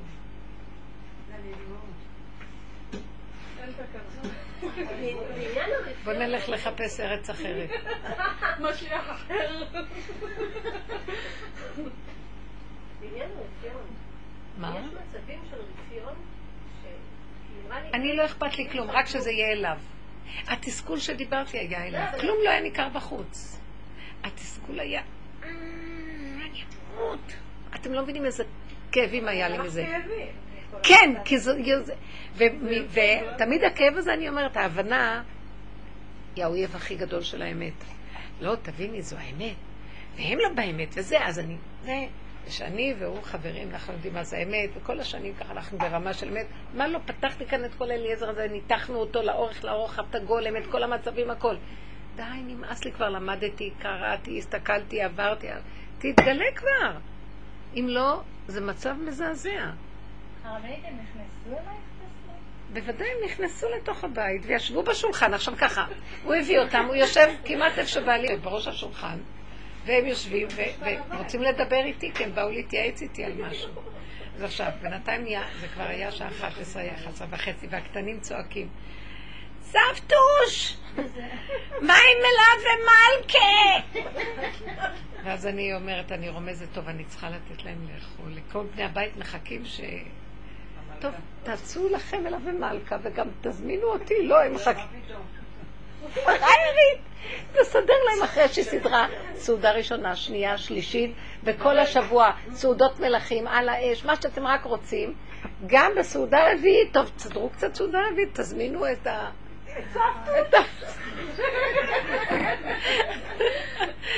ולא, הם מחכים שאני אסלק אותם ואני אסדר להם את השולחן. ובסוף, ואז היה לי התסכול הזה, ואני אמרתי לו, זה המציאות שלי, זה הגיהנום שבראתי לי, זה הקבר שלי, ואני לא יכולה לצאת ממנו, ואתה כאן תסדר לי ישועה! נו, ואיך הוא סידר לישועה? הם הלכו, ואני עשיתי להם ארוחה. את רצית שהם יישארו? לא? לא. לא. אני אגיד לך למה. כי אני לא יכולתי לסבול, אני. אני לא יכולתי לסבול המציאות של כל בני המשפחה, בדרך כלל כשהם לא נמצאים, כל בני המשפחה משפיעה עליי להיות, אני איתם, אני, אני, סליחה, אני אגיד לכם את האמת, השכינה היא כמו יונה, השכינה היא כמו יונה, לא אומרת את המילה ממש. היא תשרת את אלה, היא תלך אליהם. זה זה, צריך את זה. היא מרצה והיא, ככה זה, זה השכינה. היא, היא, היא הולכת עם הילדים שלה, היא הולכת עם המציאויות. אז עכשיו, ברגע שהם לא אצלי, ואליעזר מגיע נניח, והם לא בבית שבוע שלם, לא, הם באים רק בסוף שבתות, אז אני הכי חברה שלו, ואנחנו באמת, שנינו, וזה הכי כיף. אבל כשכולם נמצאים ואני כבר איתם, אה, אני לא יכולה לעמוד בה. וזה לא פעם ראשונה, וכמה עבדתי, כן, אני יכולה, אני יכולה הכל, אני אעשה עבודות, אני אעשה זה, ואני אכיל את כל ההפכים ואת כל האפשרויות. בסוף אני צועקת ואני אומרת, לא יכולה יותר לסבול ככה. לא יכולה. אתה שומע, אם אתה בא, אז... ואתה משיח, אז תבוא בצורה של משיח, ותגאל את המשפחה. תגאל את המשפחה. שכולם ידעו שיש כאן אמת. וגם כשאני, אני גם רוצה שאני אדבר והם ידעו שזה אמת הכול. יש לי כאבים מזה שמאוד לא פשוט. הם יודעים, הם מתחילים, ואני גמרת כבר, הם רק מתחילים, ואני כבר, אין לי כוח אפילו לדבר יותר. תשמעו, זה ארוך מדי הסיפור הזה. ואם תבקשי מאליעזר לא להביא את האנשים האלה. הם- מאליעזר לא, לא מבקשים. הוא חי, ב, הוא, הוא לא ברשות, הוא ביחידה של עצמו. הוא מופעל. אני הבנתי למה, הוא תמיד מביא לי כדי להעמיד אותי במצבים האלה. ברור, הוא הביא את זה כדי שיהיה לי את הזה, אז בדרך כלל כדי שאני אעבוד על עצמי, הפעם אמרתי, לא עובדת על כלום, אתה תעבוד. עכשיו, עכשיו, אתה תפחד ממני, לא אני ממך. אין לי כבר כוח לכלום. תגאל ובצורה יפה, נחמדה, בסדר. אם לא נתאבד פה, זה אי אפשר. זה כבר השלב הזה של כאילו, ככה תלכי אליו, באין עונות מוחלטת, ואם יש לי מצוקה, אני לא מוכנה לעבוד עליה, לסדר אותה. תסדר אותה אתה, כי אני לא יכולה. אני אלך איפה שהנטייה הטבעית שלי. הם, עכשיו אני שבויה שלהם, אני שבויה שלהם. תגאל אותי אתה מהם. מה אתה שולח לי עכשיו עבודות? אין לי כוח לעבוד על עצמי יותר. ככה היה מין משהו כזה של תסכול. לא כעסתי עליו כמו על מה שהוא משדר ומה השם שולח דרכו. איזה עוצמה יש לבן אדם הזה להתמיד עם הגולמיות שלו. הוא נאמן לגולמיות בצורה מזעזעת, ואתם יודעים מה? הראו לי כמה פעמים בחלום. זה לא חלומות שם. שהוא רואה הכל, יודע הכל, שומע הכל, וזה לא הוא כבן אדם. דרכו הכל. את עומדת לידו, כאילו, רוצה לדבר, זה עולה ישר, זה כמו, הוא כמו בית מקדש. אבל אני לא יכולה לסבול את הצורה החיצונית הזאת. אני רוצה מלכות. כן. אני רוצה פאה בלונדינית יפה. אני לא מוכנה לסבול את המסכנות הזאת, כבר אין לי כוח. לא יודעת להסביר לכם, כאילו, מה אני מתכוונת לומר? למה זה כל כך ארוך, כל הסיפור הזה? בורא. שלמה הם כל כך... אם הכל בורא, הדמות הזאת זה הבורא. אז למה הוא כזה עלוב? אני לא מוכנה לקבל. אני לא מקבלת את הבורא. אני לא יכולה לקבל אותו ככה. לא, מדי עלוב. אני לא מוכנה. צריכים לסדר לו את הזקן ולסדר לו את הבגדים, וצריכים לסדר אותו אחרת. יש פה גאווה. אני את המצב הזה, או אותך, או... זה לא גאווה, זה לא גאווה. לא, לא, זה לא-. זה לא גאווה, זה גאוות המלכות. די, תגאל, כדי ש... בוא נגיד ככה, ככה אנשים לא ירצו אותך, מה אתה רוצה? סידרת להם יותר מדי, נתת זמן לפינוקים פה, מה אנחנו נעשה עכשיו? אי אפשר עכשיו. אתה, אנשים ימותו, לא יוכלו לעשות כבר עבודה על עצמם, זה אי אפשר עכשיו. יצטרכו רק להגיד לא יכולים. יצטרכו להגיד לא יכולים, עזוב אותם. עזוב אותם. מה השעה? שעה 11 ורבע. חמודות שלי. לא, אני, אני ממש אומרת לכם, לדעתי, קרוב מאוד הדבר, שאנחנו, לפחות דבר אחד מכל הדיבור הזה, אנחנו צריכים ללכת עם האמת שלנו לבורא עולם. מה האמת שלי? שאני גאוותני. לא, זה לא בדיוק הגאווה, זה כאילו, אני מוכנה לוותר על הגאווה. אתה לא לוקח אותה. השארת אותה, נתתי לך אותה אלף פעם, אתה משאיר אותה אצלי, אם כן? אני בורא עולם, אני אגיד לך מה לעשות. שמעת אותי? תתלבש, תראה יפה, אני אגיד לך מה לעשות. אתם יודעים שזה ככה? הוא נותן לנו, אתם לא מבינים מה זה, בורא עולם, הוא רוצה שנפעיל אותו. כשהיא דיברה, אז באמת... אבל את יודעת שאת זה אני אוהבת? כן, כן. בשלב הזה אני אומרת. מה? את מה? כן, כי אי אפשר כבר לסבול. אז הרבנית, איך את יכולה לשבת בסבתא, אני לא חושבת שצריך להגיד מספיק. אני אני לא מבינה. מירי, הבנתי. עכשיו אני כאילו מתחזק. אני לא יודעת, יש איזושהי נקודה. שמה? יש איזושהי נקודה שאתה בכל זאת אנוש. לא, לא היה אכפת לי להגיש להם אוכל, כי סבתוש תגישי לנו. כבר אמרתי שהתמסרתי לזה ואני לא מרגישה את הפעולות שלי. הפריעה לי המצוקה של הדואליות בפסיכולוגיה שקרתה פה. נכון. וזה כל הזמן קורה, וכל הזמן יש לי אתגריות לעבוד, ומהן. הפעם אמרתי, לא מסוגל. אבל זה אין לו יכולה. אין, את רואה שהם לא. זה נכון? לא, אני כאילו, המצוקה הזאת יצרה מצב שאני העליתי את זה אליו, והבנתי שהוא עושה את זה בכוונה, כדי שאני אצווה עליו להתגלות, ואני אגיד לך מה לעשות. כי? הפערים הם נוראים, איך אפשר? זה מה שנקרא ניצחוני בניי, בסוף ננצח אותו. הרבנית, יפה זה מאוד, שעשוע חצי שעה אני שלו. רוצה להוציא את המשפט הזה וזה. מאוד יפה, אני מאוד נהנית ממך. מה? כן. מה היה המשפט? שבסוף הוא הוא רוצה לשמוע, הוא רוצה להגיד ניצחוני בניי, אנחנו צריכים לנצח אותו. וזה בא בהתחלה, אני מתוסכלת ממנו, והוא יושב ואומר, איך אני נהנה מהתסכול של ה... אני כבר מחכה לזה הרבה זמן. ואני מנסה לא להיות בתסכול ולהיות יכולה לעשות עבודות. והוא אומר, אוף, נו כבר, מתי תצעקי עליי כבר? הרבנית, הרבנית, הכל הפוך, הכל הפוך. כמה קשה לצאת מהתודעה של עץ הדת שרוצה להיות בסדר, זה הדבר, זה הקליפה הכי גדולה, על להיות בסדר, הרצון להיות בסדר. אין קליפה יותר גדולה ממנה. כי השם מתגלה בטוב ובוהו, לא בסדר. שום סדר. הרבנית, אני שמגיעה לנקודת כעס, צועקת של די, מספיק להשתעשע איתי. גמרנו. או שצרף אותי לשעשוע שלך ושלא יהיה לי מצוקה מזה. זה לא יפה שאתה תשתעשע ואני אסבול, כמו המלכים שיושבים והחיות, אה, זה, זה מאוד לא יפה. שיהיה לנו גם שעשוע מזה. אתם מכירים את הבדיחה הזאת?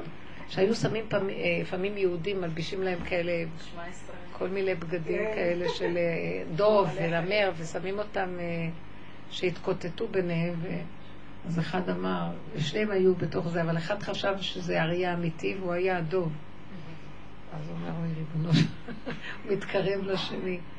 הוא אומר, ריבונו של עולם, איך אני אעמוד מול האריה הזה, זה שומע את השני אומר, שמע ישראל.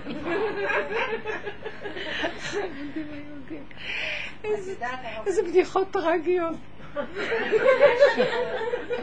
קיבלתי טלפון מאיזה אימא. מהתינוקות שהביאה לי אותה שלושה חודשים. עכשיו היא בת שנה. היא כבר באה ו... איך שהיא התחילה לדבר, קיבלתי כבר אה, סדר יום, היא כבר רוצה שהיא תתחילת אה, לידה, היא כבר לזרוק לי. זה אתה. היא זה אתה ואני זה אתה. אבל אתה בא איתי עכשיו. ככה דיברתי. אבל ככה אמרתי לו, אתה בא איתי. לא מעניין לא איתה.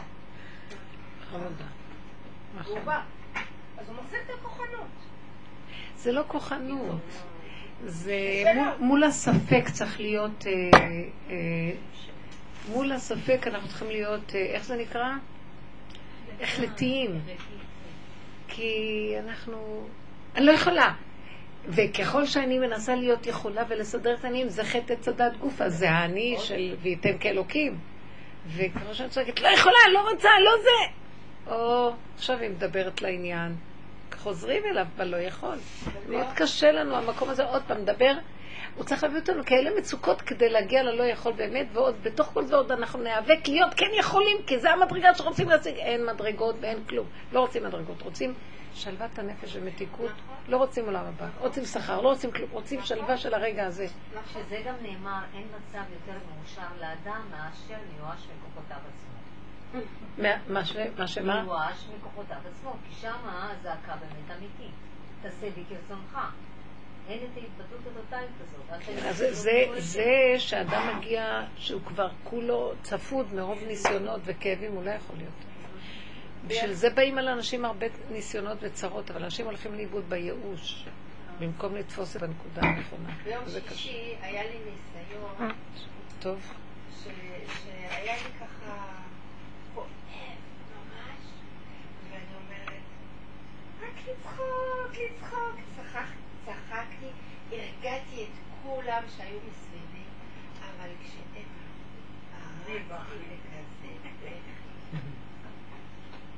כאילו לצחוק, לצחוק, לצחוק, זה היה יופי ליד כולם. אבל הם רק עזבו אותי. טוב, אל תיקחי את הבכי גם ברצינות. בסדר. חיה בכתה וזה נגמר לה. שום דבר לא ניקח ברצינות. כן. סבתוש. תודה רבה. תודה רבה. תודה.